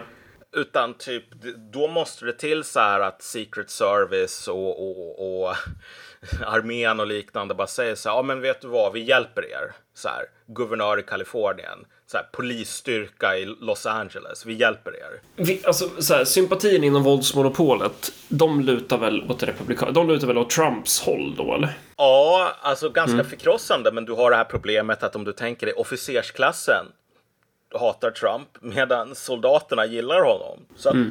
du vet, om du får en splittring, då kommer den här splittringen att gå igenom våldsmonopolsinstitutionerna och den kommer att vara liksom, du vet, de två delarna kommer att glida isär från varandra ännu mer än vad de redan har gjort. Och då blir väl sådana här dubbelmaktstrukturer då som handlar om, ja men, för de har väl lite, Proud Boys, vad, vad fan är Proud Boys? Alltså jag bara läser här, de, de är högerextrema och fascister, jag försökte så här scrolla förut när jag lyssnade på dig typ, men att så här, vad, alltså, om det finns då dubbelmaktstrukturer som snabbt kan sätta militärer i en, i en organiserad eh, så om du kan ta in reservofficerare från sidan som är lojala till dig ja. så blir du ju genast mycket farligare. Är det typ en delförklaring i varför man vill slå ner på Proud Boys eller är det bara symboliska värdet i att så här eh, var du giddrade på Kapitolium då, då ska du bort typ? Alltså Proud Boys i USA ja. Eh, är, in, är inte en faktor för dubbelmakt. Jag tror att det var till och med någon sån här FBI-agent som sa att just nu så finns det ett mycket liksom, större efterfrågan på vita fascister än vad vi kan, liksom, vad, vad utbudet är. Ja, han är väl inte ens vit, han snubben som de eh, fängslar, inte han svart? Exakt, ja. exakt. De måste ta in, de måste ta in uh, uh, um, så här, ringers mer eller mindre. ja. Och, nej, men, men, men, så, så liksom så här, Proud Boys, men det är typ, det, det är lite som, jag kommer ihåg så här, den tiden som alla snackade om NMR. Du vet, folk snackade om NMR inte nödvändigtvis för att NMR höll på att ta över landet, utan för att alltså, av olika ideologiska skäl så behövde de en fiende. Alltså. Ja. Man kunde inte förklara mycket av det, den egna politiken om man inte satte den liksom, i, i, i, i kontrast mot fascismen med stort F. Uh, och därför så om NMR inte hade funnits i Sverige så skulle de ha uppfunnits. Och det är, Proud Boys, det är en uppfinning på samma sätt. Alltså den dubbelmakten som finns i USA, mm. den är helt psykotiskt stor. Men det är så här, guvernören i Florida som bara säger att nu tänker jag, på grund av att jag har laglig rätt att göra det, jag tänker starta en armé. Och hur, hur ser Trumps stöd ut där då? För att, för att du var inne på det där förut. Folk backar upp Trump nu i en högre utsträckning än vad man gjort tidigare. Men inte för att man typ älskar honom, utan mer för att man ser sig själva bli ihoptryckta av systemet. Man ser inget annat ja. val än att bara, ja. Um, mm. Och det här, är, det här är en av dem. Jag tror att det här är väl kanske inte 100% sannolikt. Det kanske inte ens är 30% sannolikt. Men om, om valet 2024, vi vet inte hur polariserat och psykotiskt det kommer att bli. Vi står i liksom för liksom, maket här. Vi står, vi står bara i hallen. Men om det blir, om det blir riktigt weird. då... det är så jävla, det är så jävla USA. Förlåt, bara gör klart din poäng. Ja, nej, men om det blir riktigt weird. Mm. Då kan det vara så att många republikanska guvernörer kan bli tvungna att säga så här att av olika anledningar så kan inte vi acceptera presidenten i Washington DC som Alltså han är inte den riktiga presidenten. Val, val, valsystemet har totalt kollapsat. Mm. Det betyder inte att vi kommer att starta en armé för att utropa självständighet. Men om det kommer lagar från Washington så alltså ni behöver inte lyda dem. Liksom. Om, du, om du bor i Florida, du behöver inte lyda lagen i Washington, du behöver bara lyda lagen i Florida. Och jag kommer att skydda dig. Och som kommer bli allra mest relevant då ifall det är till exempel eh, ja, men lagar där de inte står så nära varandra, som typ abort. Så här, ena delstaten tycker så här, äh, men du ska inte få göra abort överhuvudtaget och den andra delstaten tycker typ, jo men så här, du får gärna göra abort typ en minut innan barnet är ute ur mammans, för JJ. Ja. Då, och det här, alltså, det, här är det, det här är det stora problemet. Det här håller redan på att ske. Alltså, mm. Det är inte någonting som har, du vet, kan ske om det här valet blir weird, utan du har redan allt större delar av liksom samhället där båda sidor, både republikaner och demokrater säger så här. Vi följer inte ens, vi följer inte längre lagar vi gillar. Mm. Ja, det är helt... Eh, men också typ så här, om man bara tittar på om en alien skulle komma, eller så här, någon har legat nedfryst i 40 år och sen bara, ah, jag hörde att det är val i USA. Ja, vilka är det som ställer upp? Uh, de heter Trump och Biden. Eh, jaha, uh, okej. Okay. Kan du berätta något om det? Ja, uh, Trump kommer typ hamna i fängelse snart och Biden han bajsar på sig hela tiden för han är senil. Jaha. Ja, det, är så, det, det är de två de två kandidaterna. Ja. Det är Biden Poopy Pants. Alltså det, det, är så här. Joe Poopy Pants Biden. Det är ja, mot det här, Trump. Det, det, här är också den här grejen. Verkligen den här jävla svenska mm. attityden. Sandviken-rapporten gånger tusen. Alltså när du ser så här journalister och liknande så smarta politiska bedömare som bara Ja, vet du vad? Det är så jävla nice för Biden för att han, okej, okay, han verkar lite gammal och grå, men det är ju bara bra för han behöver inte dyka upp i kamerorna så kommer han att vinna valet. Motherfucker, det här är typ, den här snubben är typ ja. äldre än Brezhnev, liksom, ja. när han dog. Uh. Uh, han är typ äldre än, än den mest så här, sjuka... Um, um, han, gick, han gick typ i skolan med Gustav Vasa. Så gammal är Joe Biden. Uh. Han, är, han är så här... Men, men, men det, och det, är på, det är så South Park över det här. Det är så jävla South Park. Det, det är så här, hur, hur ska vi hitta på det sjukaste scenariot? Ja, det är att vi ska ha den här senila gubben. Så som man drevade om Trump. Varenda jävla dag. Det kunde inte gå en dag utan att Aftonbladet hade typ fyra artiklar om jävla Donald Trump så här, i Sverige. Ja. Och, och typ så här, man skriver ingenting om att Biden typ så här bajsar på sig. Han ska hälsa på typ brittiska premiärministern, hälsa på hans jävla taxichaufför istället. Han går in och ska skaka hand med en person som man ska träffa för att personen har blivit av med alla sina armar i en explosion i något krig. Och, och han Just ser så här... Just den grejen. så här, och personen bara, jag har inga armar, sir. Nej, okej, okay, ja. men vad vill du? Vad vill du mig? Alltså, det, ja. det är så här, det, det, det, är så jävla creepy. Det är så jävla tusen gånger värre med Biden vid makten än med Trump. Visst, Trump kan så här, han, han bombar Qasem Soleimani, twittrar ut en amerikansk flagga, men han är ändå medveten om att han gör det. Joe Biden vet ju för fan inte ens vad han gör. Ja, alltså det här, det, det, det, som jag ser från folk som jag normalt sett ändå respekterar väldigt mycket, liksom. men jag ser dem bara säga så här. Biden, det är ingen big deal. Ja, han är lite gammal. Han är kanske inte 100% med i makten, men det är ingen big deal liksom. Det är så här, det är bara en liten grej. Alltså det är, så här, det är som att han skulle vara homosexuell eller någonting. Ja, men så här, fan det är 2023, det är ingen big deal. Kolla, det, det är en fett jävla big deal. Sorry. Ja. Återigen, det är inga jänkare som säger det är ingen big deal. Jänkarna mm. fattar själva, landet håller på att fucking falla sönder. Mm. Uh, och så här, den här snubben, han är typ fem år äldre än Tjernenko i Sovjetunionen när han dog. Liksom, Tjernenko som är en av de här sista Inte Brezhnev ministrarna.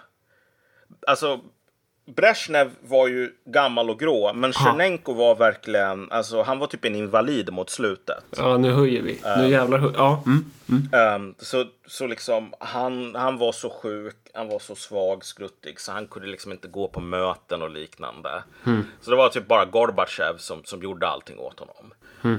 Men, men som sagt, Tjernenko, folk såg på det här och bara wow, okej, okay, det här visar på att Sovjetunionen håller på att gå till helvete när du har den där gamla gubben som är gammal och svag. Men han dog när han var 75 eller någonting. Mm. Biden kommer väl att... Han är typ 80 nu. Så han kommer att vara närmare 85 när hans ämbetsperiod är slut. Och det är helt okej, okay, bara han inte är senil. Vilket han är. Alltså, ah. Om du kollar på Joe Biden, uh, debatter och liknande från typ 2009 och 2010. Mm. Han fyller 81 har en... den 20 november nu i år. Ja. Biden har en väldigt han har en personlig stil när han debatterar. Alltså väldigt mycket så här dramatiska utspel, ganska mm. yviga gester. Alltså han... Han, um... han, var, han var jävligt duktig förr va? Var han inte det? Ja, han, han, han, han var i alla fall liksom... Jag vet inte om jag ska säga att han var sjukt bra, men alltså han, han var liksom, en, en journeyman i alla fall. Liksom. Mm. Han, han, hade, han hade liksom eldigt sätt att tala på och liksom väldigt direkt, väldigt dramatiskt. Nu är det verkligen så här att han, han är eh, bara gaggig. Gaggig, mm. långsam, liksom sånt där. Men, men grejen är typ alla vet, alla vet att han är senil. Alla vet att om du har en senil president så är det så att du har, du liksom, du har ingen som sitter i, i förarsätet. Nej. Utan statlig policy, den bara driver, liksom, den går på tomgång. Men hur kan det ha kommit, alltså för man, man tycker ju att det borde finnas, så här, det finns ju ett team runt Biden. Alltså det är ju inte Biden själv som styr. Eller hur? Det måste ju vara ett lag någonstans. Som ja Eh, och då tycker man så här, någonstans på, kanske någon borde bara sagt, ja ah, men Kamala får ta över, typ. Eller någon får ta över. Vad som helst är bättre än Biden. De har inte så himla många som kan ta över. Här är problemet så här att om du tänker dig varför sitter Biden där han sitter nu? Jo, på grund av vad, egentligen på grund av Bernie Sanders. Ah.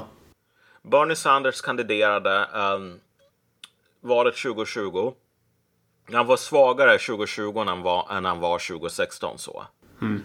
Men trots det så är det så att han var ett legitimt hot. Han kunde ha vunnit nomineringen.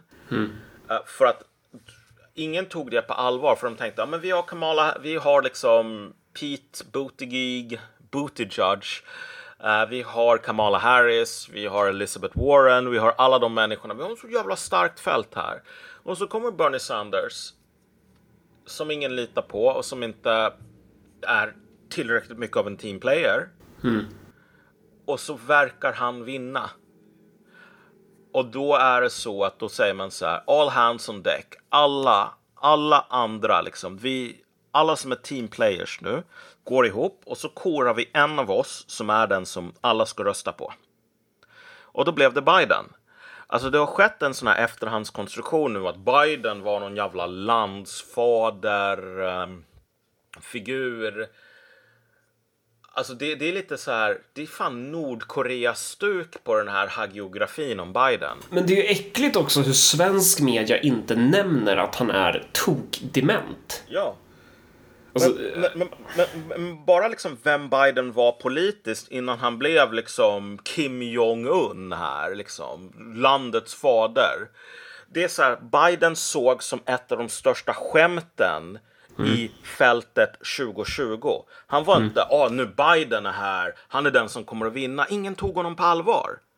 Sen så hade du den här pakten där alla gick ihop. Fast, fast det var väl ändå, vadå, det var väl ändå ganska nej. klart ganska länge att han skulle bli... Alltså... Nej, nej, nej, nej. Oh, nej, det, var ju, det är just det som är problemet. Det var inte alls klart länge. Uh därför att Biden var, alltså det här är ju, hur det där valet gick mer mm. eller mindre, mm. var att så här, jag kommer inte ens ihåg namnet på vissa av dem som kandiderade. Men alltså det var, du hade ett fält och det, precis som du vet, fältet 2016 um, ehm, när Trump kom in och bara mm. Eh, liksom gorilla misshandlade alla. Mm. Så sa alla i Demokraterna att det här fältet är jättemånga kandidater, alla är skitbra, supersmarta. Och sen så har vi Joe Biden som är en jävla haspin. Men han var ju för fan vicepresident en vicepresident som eh, Barack Obama offentligt gick ut och sa Never underestimate Bidens chance, uh, ability to fuck things up. Okay. Alltså, Obama förnedrade Biden offentligt och så sa han, och det här är också någonting som cirkulerade 2020, mm. så att Obama försökte få Biden att inte ställa upp. Mm. Obama sa bara, du är senil, du behöver inte göra det här, skärp dig, du ska inte mm. vara president. Och att de här sakerna cirkulerade öppet, alltså det betyder, mer, det betyder någonting i Washington. Liksom, att de grejerna ligger, ligger, att det är tidningar som skriver om det. Så Biden såg som svag. Biden såg som den här kandidaten som kandiderat till president för att han har alltid kandiderat till president sedan 80-talet och han har alltid förlorat stort. Mm. Och nu gör han det igen och han kommer att förlora stort den här gången också för det är Biden, han förlorar alltid. Förutom sist då, då han vann. Vad sa du? Förutom sist då, 2020. Ja, men ja. Mm. I, när valprocessen börjar ta form, alltså mm. när val, valsäsongen börjar ta form, då är det så att du har flera andra kandidater um, som, som kandiderar och det är de som får nomineringarna, alltså när, när tidningar går ut tidigt och säger så här, vi, vi stödjer den här kandidaten. Alltså mm. det, det, är vår officiella position på redaktionen, vi stödjer den här kandidaten. Biden fick inte många sådana endorsements. Mm. Alltså för att han är en jävla loser den här Vad sjukt, för jag, jag fattade verkligen som att han var typ förhandstippad. Men skitsamma, då var han inte det. Nej, nej, men det som är relevant här... Nej, okay. Ja, men bara för att slutföra mm. poängen, för att alltså förstå varför, för att besvara din fråga, varför är vi här? Mm. Jo, för att folk trodde att det fanns så jävla många bra kandidater i Demokraterna. De kunde välja på Pete Buttigieg, de kunde välja på Kamala Harris, de kunde välja Elizabeth Warren, de kunde välja typ den här andra kvinnliga kandidaten som ingen kommer ihåg nu. Och därför är det så att någon av dem kommer att vinna. Sanders kommer inte att vinna. Sanders kommer in och så ser han ut att börja vinna. Och då sätter sig alla demokratiska kandidater tillsammans och så säger de du ska du ska lägga ner din kampanj, du ska lägga ner din kampanj, du ska lägga ner din kampanj. Vi ska ha en kampanj kvar som inte är Bernie Sanders. Mm. Samla alla väljare som inte vill ha Bernie Sanders, för då kan den kandidaten vinna. Och då var det så att av olika anledningar så korar man Joe Biden och vara den som inte la ner sin kampanj. Mm därför är man där. Men det här betyder att liksom det fältet här på kandidater är supersvagt. Nu har man inte Sanders längre, för Sanders har insett att man ska vara en teamplayer. Nu har man han Kennedy-snubben här. Som um, är någon sorts utmanare, liksom, som, som man är jätterädd för att han ska ta över. Men det kommer väl bli Biden som ställer, alltså i och med att han är sittande president så blir det väl han som ställer upp, eller? Eller kan Exakt. det bli att. Ja. Det, måste... det, det, kan, det, kommer att bli Biden så länge som du inte har ett val. Så länge som det är Biden som samlar alla väljare mm. Mm. och så har du Kennedy som, som liksom, du vet, blir totalt institutionellt utmobbad. Liksom, man behöver inte ha debatter och liknande. Men om du skulle ha ett fält med fem pers. Mm. Alltså då skulle inte etablissemangskandidaten vinna idag. Så alltså, okay. Demokraterna kan inte ha liksom öppna val längre. Alltså för att mm. alltså, då, kommer, då kommer det här jävla korthuset att falla ihop. Vad tror du om det här scenariot då, om jag hoppar lite? Eh, för att det, jag vet inte riktigt vad, det, alltså det här blir ju mest bara en lång prata om att så här, USA, det går, åt, alltså det går inte så bra där och här är lite anledningar till varför typ. Eh, och, och, just det här med avlegitimisering. Legitimering, avlegitimering. Men en grej i det här, är det inte bara... Är det, jag funderar på det, om det inte bara slutar med att någon skjuter Trump, typ. Alltså det är inte helt omöjligt, tyvärr. Nej. Tucker frågar ju um... det här, så här, tror du inte... jag kommer inte exakt ihåg hur han frågar, men det är väl något i stil med så här, tror du inte att de kommer döda dig snart? Uh, och det, det är väl verkligen... För om, om man skulle skjuta Trump, då blir väl nästan skadeverkningarna mindre än om man inte gör det. Ja, alltså Ja, alltså de blir mm. nog mindre, men det visar också på hur, hur allvarligt läget är. Därför att Jaja. skadeverkningarna blir enorma. Liksom. Så att om det är det, det, det minst dåliga, alltså då har man ett stort problem. Mm. Men, men det som man kan säga där är väl att en av de grejerna som kan ske här är typ, och det har varit lite snack om det, du vet Secret Service mm. Är ju den delen av den amerikanska staten som skyddar alltså presidenten, de skyddar presidentkandidater. De skyddar för detta presidenter. Finns det en tydlig politisk eh, alltså lojalitet inom Secret Service? Lutar de mer åt Demokraterna idag än vad de gör åt Trump? Jag antar att de lutar mer åt Biden, eller? Det har aldrig funnits någon sån här, vad jag vet i alla fall, någon politisk lutning Alltså i Secret Service, om du tänker dig okay. att de, de, de, agerar neutralt. Men nu i det här valet så verkar det finnas vissa indicier på att de har slutat agera neutralt. Mm -hmm. Vilket, alltså, det gör de till typ alla andra delar av den amerikanska staten i så fall. Mm. Så det vore inte konstigt. Men alltså, det har varit kontroverser kring om uh, Kennedy ska få uh, skydd eller inte. Mm -hmm. Uh, Kennedy är ju utmanaren då till Biden och mm. det är så att alltså, det finns normalt liksom kutym om du är en presidentutmanare och du har så mycket i opinionsmätningar då ska du få det. Men i det här fallet, alltså det är inte ens, alltså formellt kanske det är en bedömning, men i praktiken är det så att du får det automatiskt. Nu har inte han fått det. Han har hållit på och bett om det i, i månader. Vad betyder det då? Vad det kan betyda är ju så här att det här är det är inte så att någon säger, vet du vad, någon borde ta och mörda Kennedy. Nej. Men att man bara säger så här, ah, men vet du vad, av, av, av, olika anledningar så kommer inte du att få det because, because reasons. Och så här, du kan lägga in en överklagan så behandlar vi den om två år. Alltså, det här är liksom alla de här små institutionella krokbenen som man lägger. Mm. Så att oj shit, han blev mördad, han hade ingen skydd av då blir det Biden, vad synd liksom. Nu mm. får vi ha, vilken tragedi. Men så här, Malcolm, en fråga. Alltså, om, om du är en sittande president, oavsett vilket parti, har inte du per automatik, alltså är det fortfarande en öppen valprocess i partiet då vem som ska kandidera? Alltså, i teorin. Eller är det liksom att man alltid kör på att den sittande presidenten kommer ställa upp för omval? Alltså att det är det som blir per automatik då, den kandidaten typ normal, alltså det, normalt sett så är det så att alla samlas kring, kring den sittande presidenten. Mm.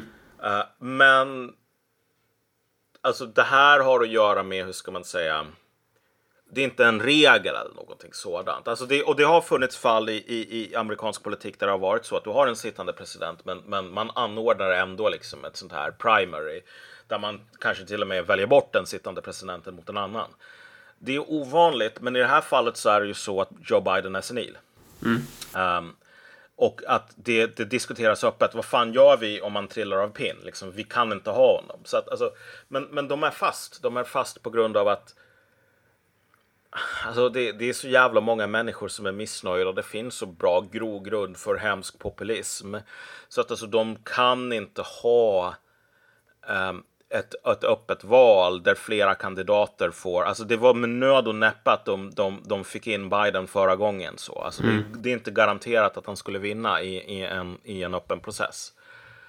Um, så, så att ha en senil snubbe kvar som man vet är en teamplayer, det är det minst dåliga av alla alternativ. Mm. Um, men hade man, hade man inte det här exemplet från 2020 Mm. Där alla etablissemangskandidater, alla som man vet att man kan lita på, håller på och failar inför, liksom, på grund av Sanders. Alltså man skulle ha ett öppet val, det, det är inget snack om saken. Och så skulle någon annan ha tagit över. Ja, vad tror du? Och det är inte klart än vem som blir vice till Trump. Det blir inte... Nej. Jag hoppas ju på Tucker eller Alex Jones. Ja, Alex Jones ex Trump. Det vore ju det bästa. det var jävla bra. Det är jävla vilket men, dream team alltså. Men det kan vara värt att tala liksom bara om så här. Okej, okay, ja. men vad kommer det här? Vad kommer det hända i praktiken nu? Så här? Ja, det vet det inte vi, men vi kan gissa. Ja. ja. Det är svårt att säga någonting om de här rättegångsprocesserna därför att återigen, det här handlar inte längre om, om lagen. Det här är alltså ingen litar på lagen längre. Ja, så, det, här, så här, det, här, är bara... Det, det, rättegångsprocesserna måste ju, målet måste ju vara att verkligen få honom åtalad. För att om, om målet var att så här typ, ja, Trumps väljare kommer, kommer ogilla Trump om eh, etablissemanget åtalar honom, då har man ju inte riktigt haft koll på spelplanen. För att det är väl, så, så då måste väl målet ha varit att försöka, ja men sätta dit honom då helt enkelt. Alltså att, att det, det är verkligen det är ett sätt att använda institutionerna för att trycka, för att komma åt honom och försöka diska honom från processen.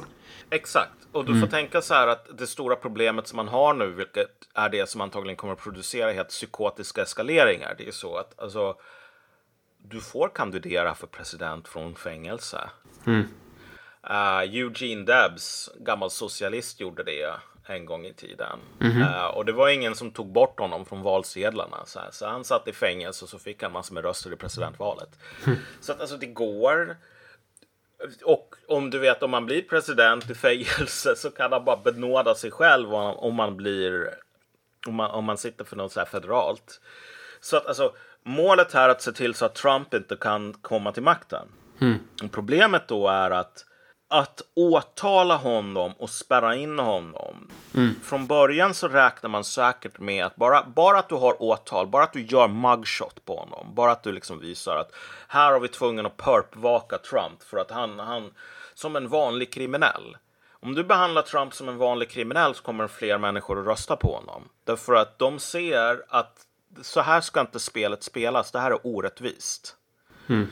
Uh, och om de ogillar sättet som USA håller på att utvecklas nu, liksom, ekonomin och allting sådant, då kommer de att ogilla dig som styr och de kommer att börja gilla den personen som du hatar, bara av den anledningen. Så att det de behöver göra här på något plan för att kunna vinna, det är mer eller mindre antingen liksom att Trump dör eller att han blir inspärrad på ett sådant sätt så att han inte kan benåda sig själv eller någonting annat gör så att man bara ja, via vad, Fiat kan... Det viktigaste är väl att, att kontrollera rösträkningen, eller? Ja. ja. Jag tror en sak som är en av de mest realistiska utfallen här, det är bara att mm. man tar bort Trumps, att man stryker Trumps namn från flera um, delstatsvalsedlar så att han inte kan kandidera i de delstaterna varpå det är matematiskt omöjligt för honom att vinna valet. Okej. Okay. Mm. Och kan... alltså det håller på var... Det diskuteras öppet nu. Vem fattar det beslutet då? Är det guvernörer? Det här, det här är det som är det roliga. Att alltså, ja. liksom, det är jätteotydligt vem som fattar det beslutet. Okay. Men det går typ att fatta beslutet i teorin i och med att man diskuterar det. Ja, alltså du vet efter inbördeskriget mm. så la man till en grej i konstitutionen om att en person som har uh, gjort uppror mot USA kan inte bli president eller ha högre ämbete. Mm. Um, och det här var ju på grund av att du vet hälften av landet hade stuckit. Du hade liksom eh, de, jo. Eh, ja. två USA. Mm. Med, med liksom egna presidenter och valsystem och liknande. Om du tillhörde USA nummer två. Mm. När USA nummer ett vann. Då kunde inte du, eh, kunde inte bli president. Ganska det här logiskt. applicerar man det här applicerar man typ automatiskt, eller man behövde inte ha... Det fallet man applicerade det var, det är liksom Andrew Jackson som var president för liksom CSA. Mm. Uh, och man sa bara så här, alltså du var president för CSA. Det är ganska tydligt att det här gäller för dig, så liksom du kan inte kandidera. Och det är ju det är ganska logiskt. Andrew Jackson sa inte ja, men ni har fel, liksom, det här, jag, jag är oskyldig. Utan, men det är där man ska liksom, använda mot Trump då, eller? Ja, mm. men problemet här är ju bara att om du du behöver inte vara noggrann. Du behöver inte ha en domstolsprocess mot Andrew Jackson. Liksom. För han sa, han säger själv, alltså det här gäller mig. Mm. så då behö du behöver inte bevisa att typ solen är varm. Så, i en domstolsprocess. Liksom. Det, det, alla accepterar det, alla köper det. Så det är liksom inte politiskt problematiskt. Ja. Men du kan inte behandla Donald Trump som Andrew Jackson utan att spränga hela systemet. Därför att så här, var det som skedde den 6 januari ett uppror? Mm. Just det. Uh... Frågar du Demokraterna och typ svensk, svenska journalister så är ju svaret ja, absolut, det var ett statskuppsförsök. Ja, ja, och problemet är så här att i USA, alla vet att om du för, liksom uppror här, det är, det är ett brott. Mm. Du kan bli fälld för det. Alla vet så här, alltså högförräderi liknande. Alltså du, alla vet att det går inte att fälla Trump för de här grejerna. Eh, om du, även om du försöker åtala honom för högförräderi eller försöka splittra landet eller göra en statskupp. Alltså, good fucking luck. Liksom, ingen tror på det. Ingen, inte ens den mest rabiata demokraten tror vi kan fälla Trump för det här.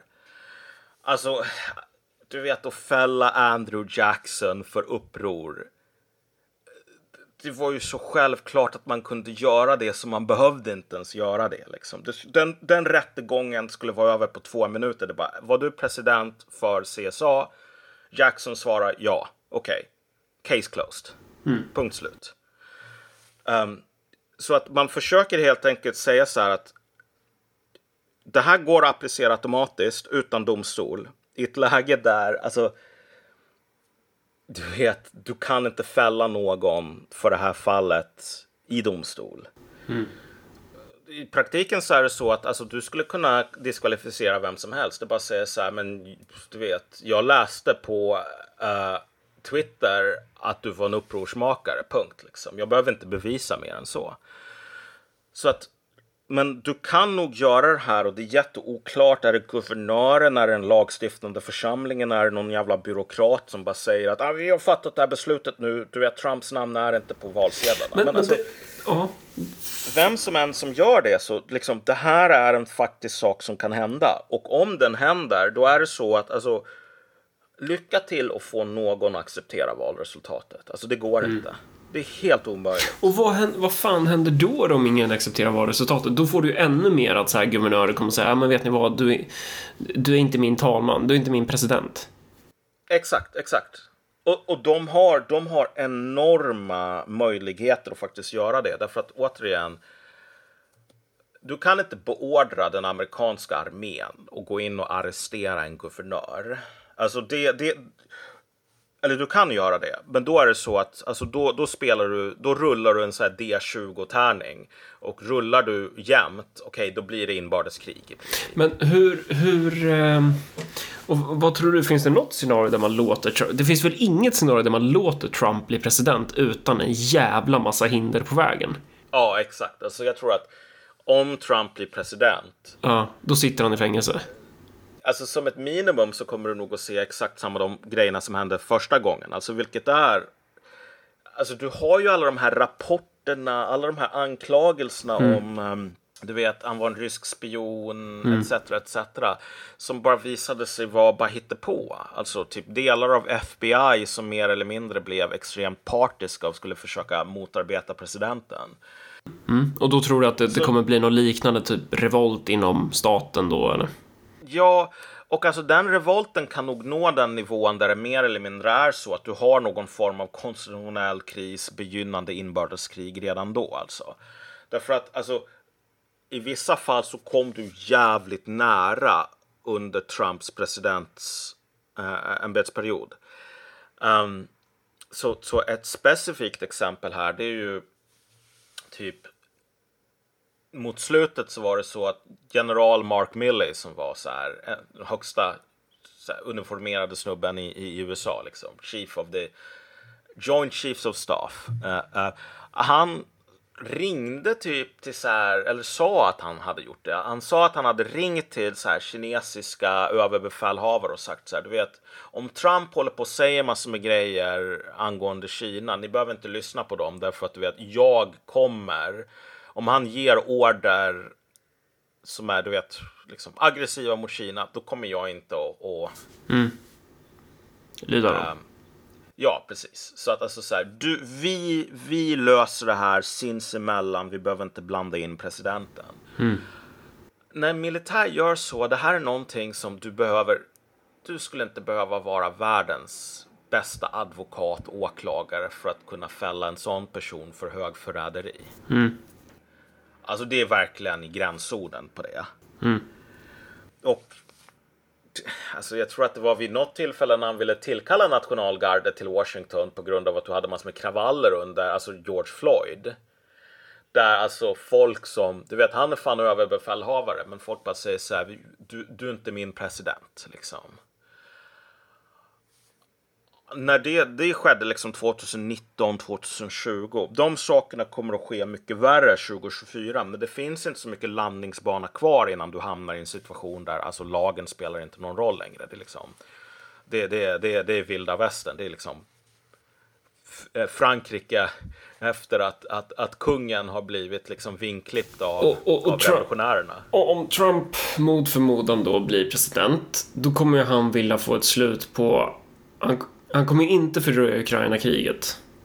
Eller hur? Han kommer ju dra tillbaka USAs stöd från Ukraina direkt, antar jag. Eh, ja. Och sen kommer han väl inte... Risken är väl mycket lägre att det blir ett krig mellan Kina och USA med Trump vid makten än med Biden vid makten. Ja, det, det, det, alltså... Jo, jag skulle nog säga det. Jag tror att ja. Trump har sådana instinkter att han är mindre av en gambler än, mm. än de människorna som, som, som Biden har i, i, i sin kabinett. Men så, finns det ja. något scenario istället då där man tänker att så här Biden vinner helt legit för att han är mer populär uh, och så säger Trump bara ja, ah, det är lugnt. Jag erkänner mig besegrad. Det, det, är ett, det är ett realistiskt scenario, men problemet är bara så här att um, det som, det som folk måste förstå med den amerikanska valprocessen är så här att, och det är det som jag försökt illustrera med den här jävgrejen nu. Det är så här, om du kommer hem med läppstift över dig och du mm. luktar parfym. Det kan vara så att du så här, lä läppstifts lastbil liksom krockar med din bil efter att du ramlar ner i någon sån här parfymhål. Men alltså om du försöker förklara det och din sambo säger vet du vad jag köper inte det. Sorry. Mm. Mm. Alltså, du, då är du fucked. Mm. Det, det, det, liksom, det blir ändå samma, det blir precis samma samma utfall som om du faktiskt hade varit otrogen. Mm. Och i det här fallet så är det så att alltså, Biden kan vinna helt legit. Jag menar, det finns, det finns nog en 50 chans att han gör det åtminstone. Mm. Men du är fortfarande väldigt helt... säker på att väldigt många amerikaner kommer att misstro valresultatet? Så. Ja, ja, alltså mm. det är så här, Problemet är att det går aldrig att veta om du har vunnit helt legit när du börjar med den här sortens totalt normbrytande liksom bananrepubliksprocesser. Ja.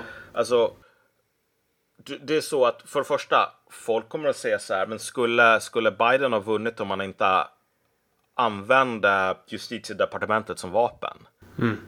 Sen kommer de fråga, okej, okay, men kan jag, de säger att det här var um, helt legit, men kan jag lita på dem när de säger det efter allt jag har sett? Och då, om, om man då kombinerar med det då och tänker att här, det inte går så bra med USAs ekonomi eh, och att och det vet man ju inte om det blir så, men det kan ju bli så att USA slutar vara det världsledande imperiet.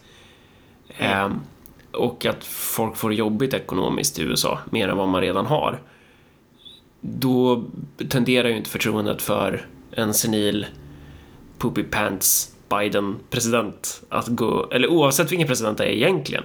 Alltså då, då, då, då polariseringen kommer bara öka ännu mer då ju. Ja, och det här är någonting som, det här är ett stort problem för Trump också i bemärkelsen att så här, om Trump säger, ja men vet du vad, det här valet var legit, gå hem, håll inte på att vara arga det är ingen som kommer att lyssna på honom. Alltså han är inte alls någon sån här eh, jag vet inte vad, huvudvampyr liksom så att om, om, om han säger någonting då måste alla liksom undervampyrer lyda.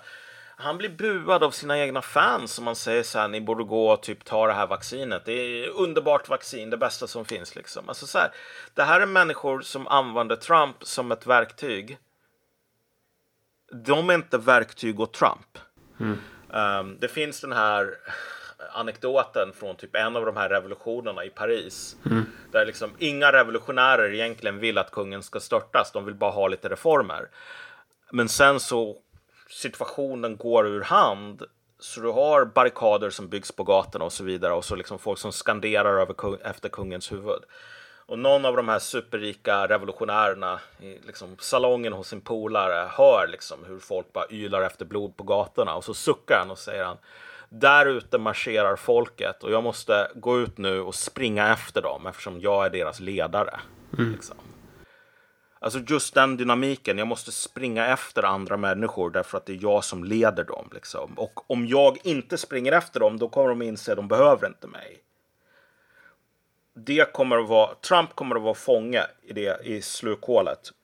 Han kan säga så här, om, om valet verkar mysko kan han säga, men det är inte mysko. Och då kommer han inte ha några vänner alls. Eller så kan han säga, okej, okay, vet du vad, ni tycker att det här valet är mysko, därför tycker jag också att det är valet är mysko. Och ju hårdare de går på honom, desto mer incitament har han ju för att säga, det är jävligt mysko det här valet. Ja. För, för, att om de skulle släppa allting och bara säga så här, ja ah, men vet du vad, vi skiter i det här. Då har han ju inte samma incitament att säga annat än sin egna värdighet då, då kanske. Uh, att säga, ja ah, men uh, jag lägger mig ner här. Ja. Eh, men, men och, det, och det är ganska glasklart att det finns ingen som kommer kunna utmana Trump från republikanska sidan. Det är ju Trump som kommer vara, alltså han, han, är, han dominerar väl fullkomligt. Utan att ens dyka upp på debatter dessutom va? Ja. Han bara, nej jag tycker inte det, de, de är bara otrevliga där, jag sitter hellre här med dig Tucker och pratar. Ja, alltså det, det man måste fatta med USA är så här att om det blir revolution så är det paradoxalt nog för att ingen vill ha det egentligen. Alltså det, det är så här. Det, det, du vet, Republikanerna, mm. om de hade ett val. Mm. Vad de skulle göra är bara säga så här. Vi bara säger att Trump, ni kan inte rösta på honom. Vi bara stryker honom från listorna. Ni får, ni, får välja mellan, ni får välja mellan de här människorna. Ni vill ha populism, då får ni välja DeSantis eller Nikki Haley eller någonting sådant. De gör inte det för att de inte vill ha revolution. Därför att de inser att om vi säger det här, då kommer landet att explodera. Så att ha Trump där är det minst revolutionära valet just nu. Mm. Problemet är så här att om alla kan ha den motivationen och så kan du få världens jävla revolution, inbördeskrig och liknande. Därför att de sakerna som du gör här och nu för att försöka minimera skadan bara driver på den här grundläggande logiken ändå i slutändan. Så, så här, Republikanerna har letat efter olika sätt att få bort honom och de kan inte hitta något för att alltså, missnöjet är så stort. Alltså, de är rädda för att de själva skulle bli lynchade i princip om de gör någonting sådant, så, sånt öppet. Så de, de är fast trots att de inte vill vara fast på det här tåget på väg mot en tegelvägg. Och jag tror att det är samma, samma rädsla på demokratiska sidan, att de fattar så här att om vi lyckas med de här åtalen då är vi så jävla fucked. Vi kommer att ha sprängt USAs liksom, grundläggande legitimitet. Du vet, det finns 340 miljoner invånare, men det finns mer än en miljard skjutvapen i det här landet. Det här är inte en bra kombo. Men om vi slutar nu efter att vi har gått så här långt. Kanske kommer de här skjutvapnen fram ändå, fast vi kontrollerar inte staten. Så det är kanske säkrare nu att vi bara spär på allt det här. För om det händer ändå, då vill vi hellre vara sva- äh, starka än svaga. Mm. Om det här händer. Men den här jävla Kennedy då, varför kan inte han bara bli nya... Alltså om Biden går och trillar av pinn snart. Alltså, han kan väl fortsätta samma inslagna bana? Är inte han en etablissemangskandidat eller? Demokraten kan Nej, nej, nej. nej. Alltså han, han är ju någon sån här mysko liksom populist, är det, kandidat. Typ. Är det John F Kennedys son eller typ brorson eller något? Det är samma familj? Brorson. Ja, brorson. Mm. Ja. Det är också så jävla han... intressant i det där landet. Det är ju verkligen så presidentklaner. Alltså det, ja. är ju en, det är ju en ny form av... Ja, det, ja. Ja, nej men, men alltså Kennedy är en snubbe som håller på och säger ja, de här vaccinen är fel. CIA mördade min farbror. Uh, vi kan typ inte ha, vi ska inte lägga ner massor med pengar på Ukraina när du har uh, jänkare som liksom inte har mat att äta och sådana grejer. Så liksom, han är inte en team player. han skulle typ rubba balansen i, i imperieapparaten nu. Kan man, kan man, om man är republikan, kan man välja en vicepresident som är demokrat? Det, det är nu Trump, ja. Trump och Kennedy, 24. Där, ja, det vore... Där har vi det. Alltså det vore ju, det vore ju en sjuk jävla grej. Holy shit. Alltså det, jag tror chansen är jävligt låg, men om ja. Trump gjorde det. Ja. Jag tror han skulle ha ganska stor chans att vinna, ironiskt nog, liksom för att så här, det skulle vara verkligen bipartisanship. Men tror du inte han har, alltså, tror du inte han har stor chans att vinna nu? Alltså, om det inte skulle vara en massa jidder, så att säga.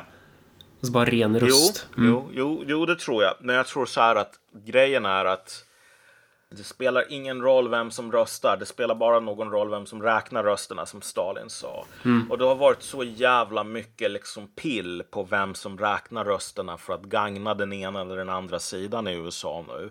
Så att det kommer att vara helt omöjligt att veta liksom, vad, var, vad som var pill och vad som inte var det. Uh, men jag tror att Trump han har en bra chans att vinna med typ en 2% marginal eller någonting. Men en 2% marginal när du har den här sortens osäkerhet. Alltså det är ingenting så att du kan skydda dig från massor med fusk och, och bluff och båg. Um, och det värsta är liksom att om han vinner så kommer han att vinna på ett sådant sätt så att um, det kommer att finnas enormt starka incitament att hålla på. Alltså den, en av de sakerna som jag tycker är så jävla sjukt att folk håller på och säger så här. Valfusk. Nu måste du räcka efter luktsaltet här för jag håller på att svimma att någon kan insinuera att det skulle vara valfusk i, i USA. Motherfucker. Så här, det här är ett land där nummer ett, jävligt många grejer som vi i Sverige skulle kalla öppet valfusk är mm. lagliga. Mm. Um, alltså all, liksom, vi skulle aldrig acceptera till exempel den här modellen med att du vet, du har valdistrikt. Den personen som vinner mest röster vinner hela valdistriktet. Och så har du liksom kartor som ser helt psykotiska ut. För att valdistrikten är designade för... Gerrymandering. Ja. Oh. Um, eller typ ta den här grejen med så här fängelser. Man får inte rösta om man sitter i fängelse, men de räknas som uh, väljare.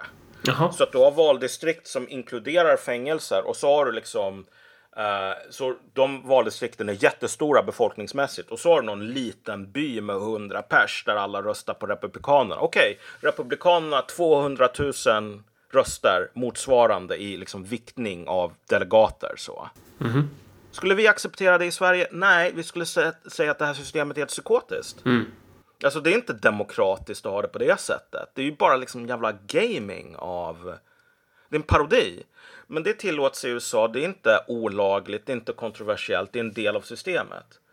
Så ovanpå det så har du också massor med situationer där det faktiskt är så att alla har erkänt i efterhand att okej, okay, vi fuskade på det här och det här sättet. Så det är vanligt. Att vi svenskar tenderar att ha en uppfattning av att institutioner är ordning och reda snarare än syntesen av fullkomligt kaos.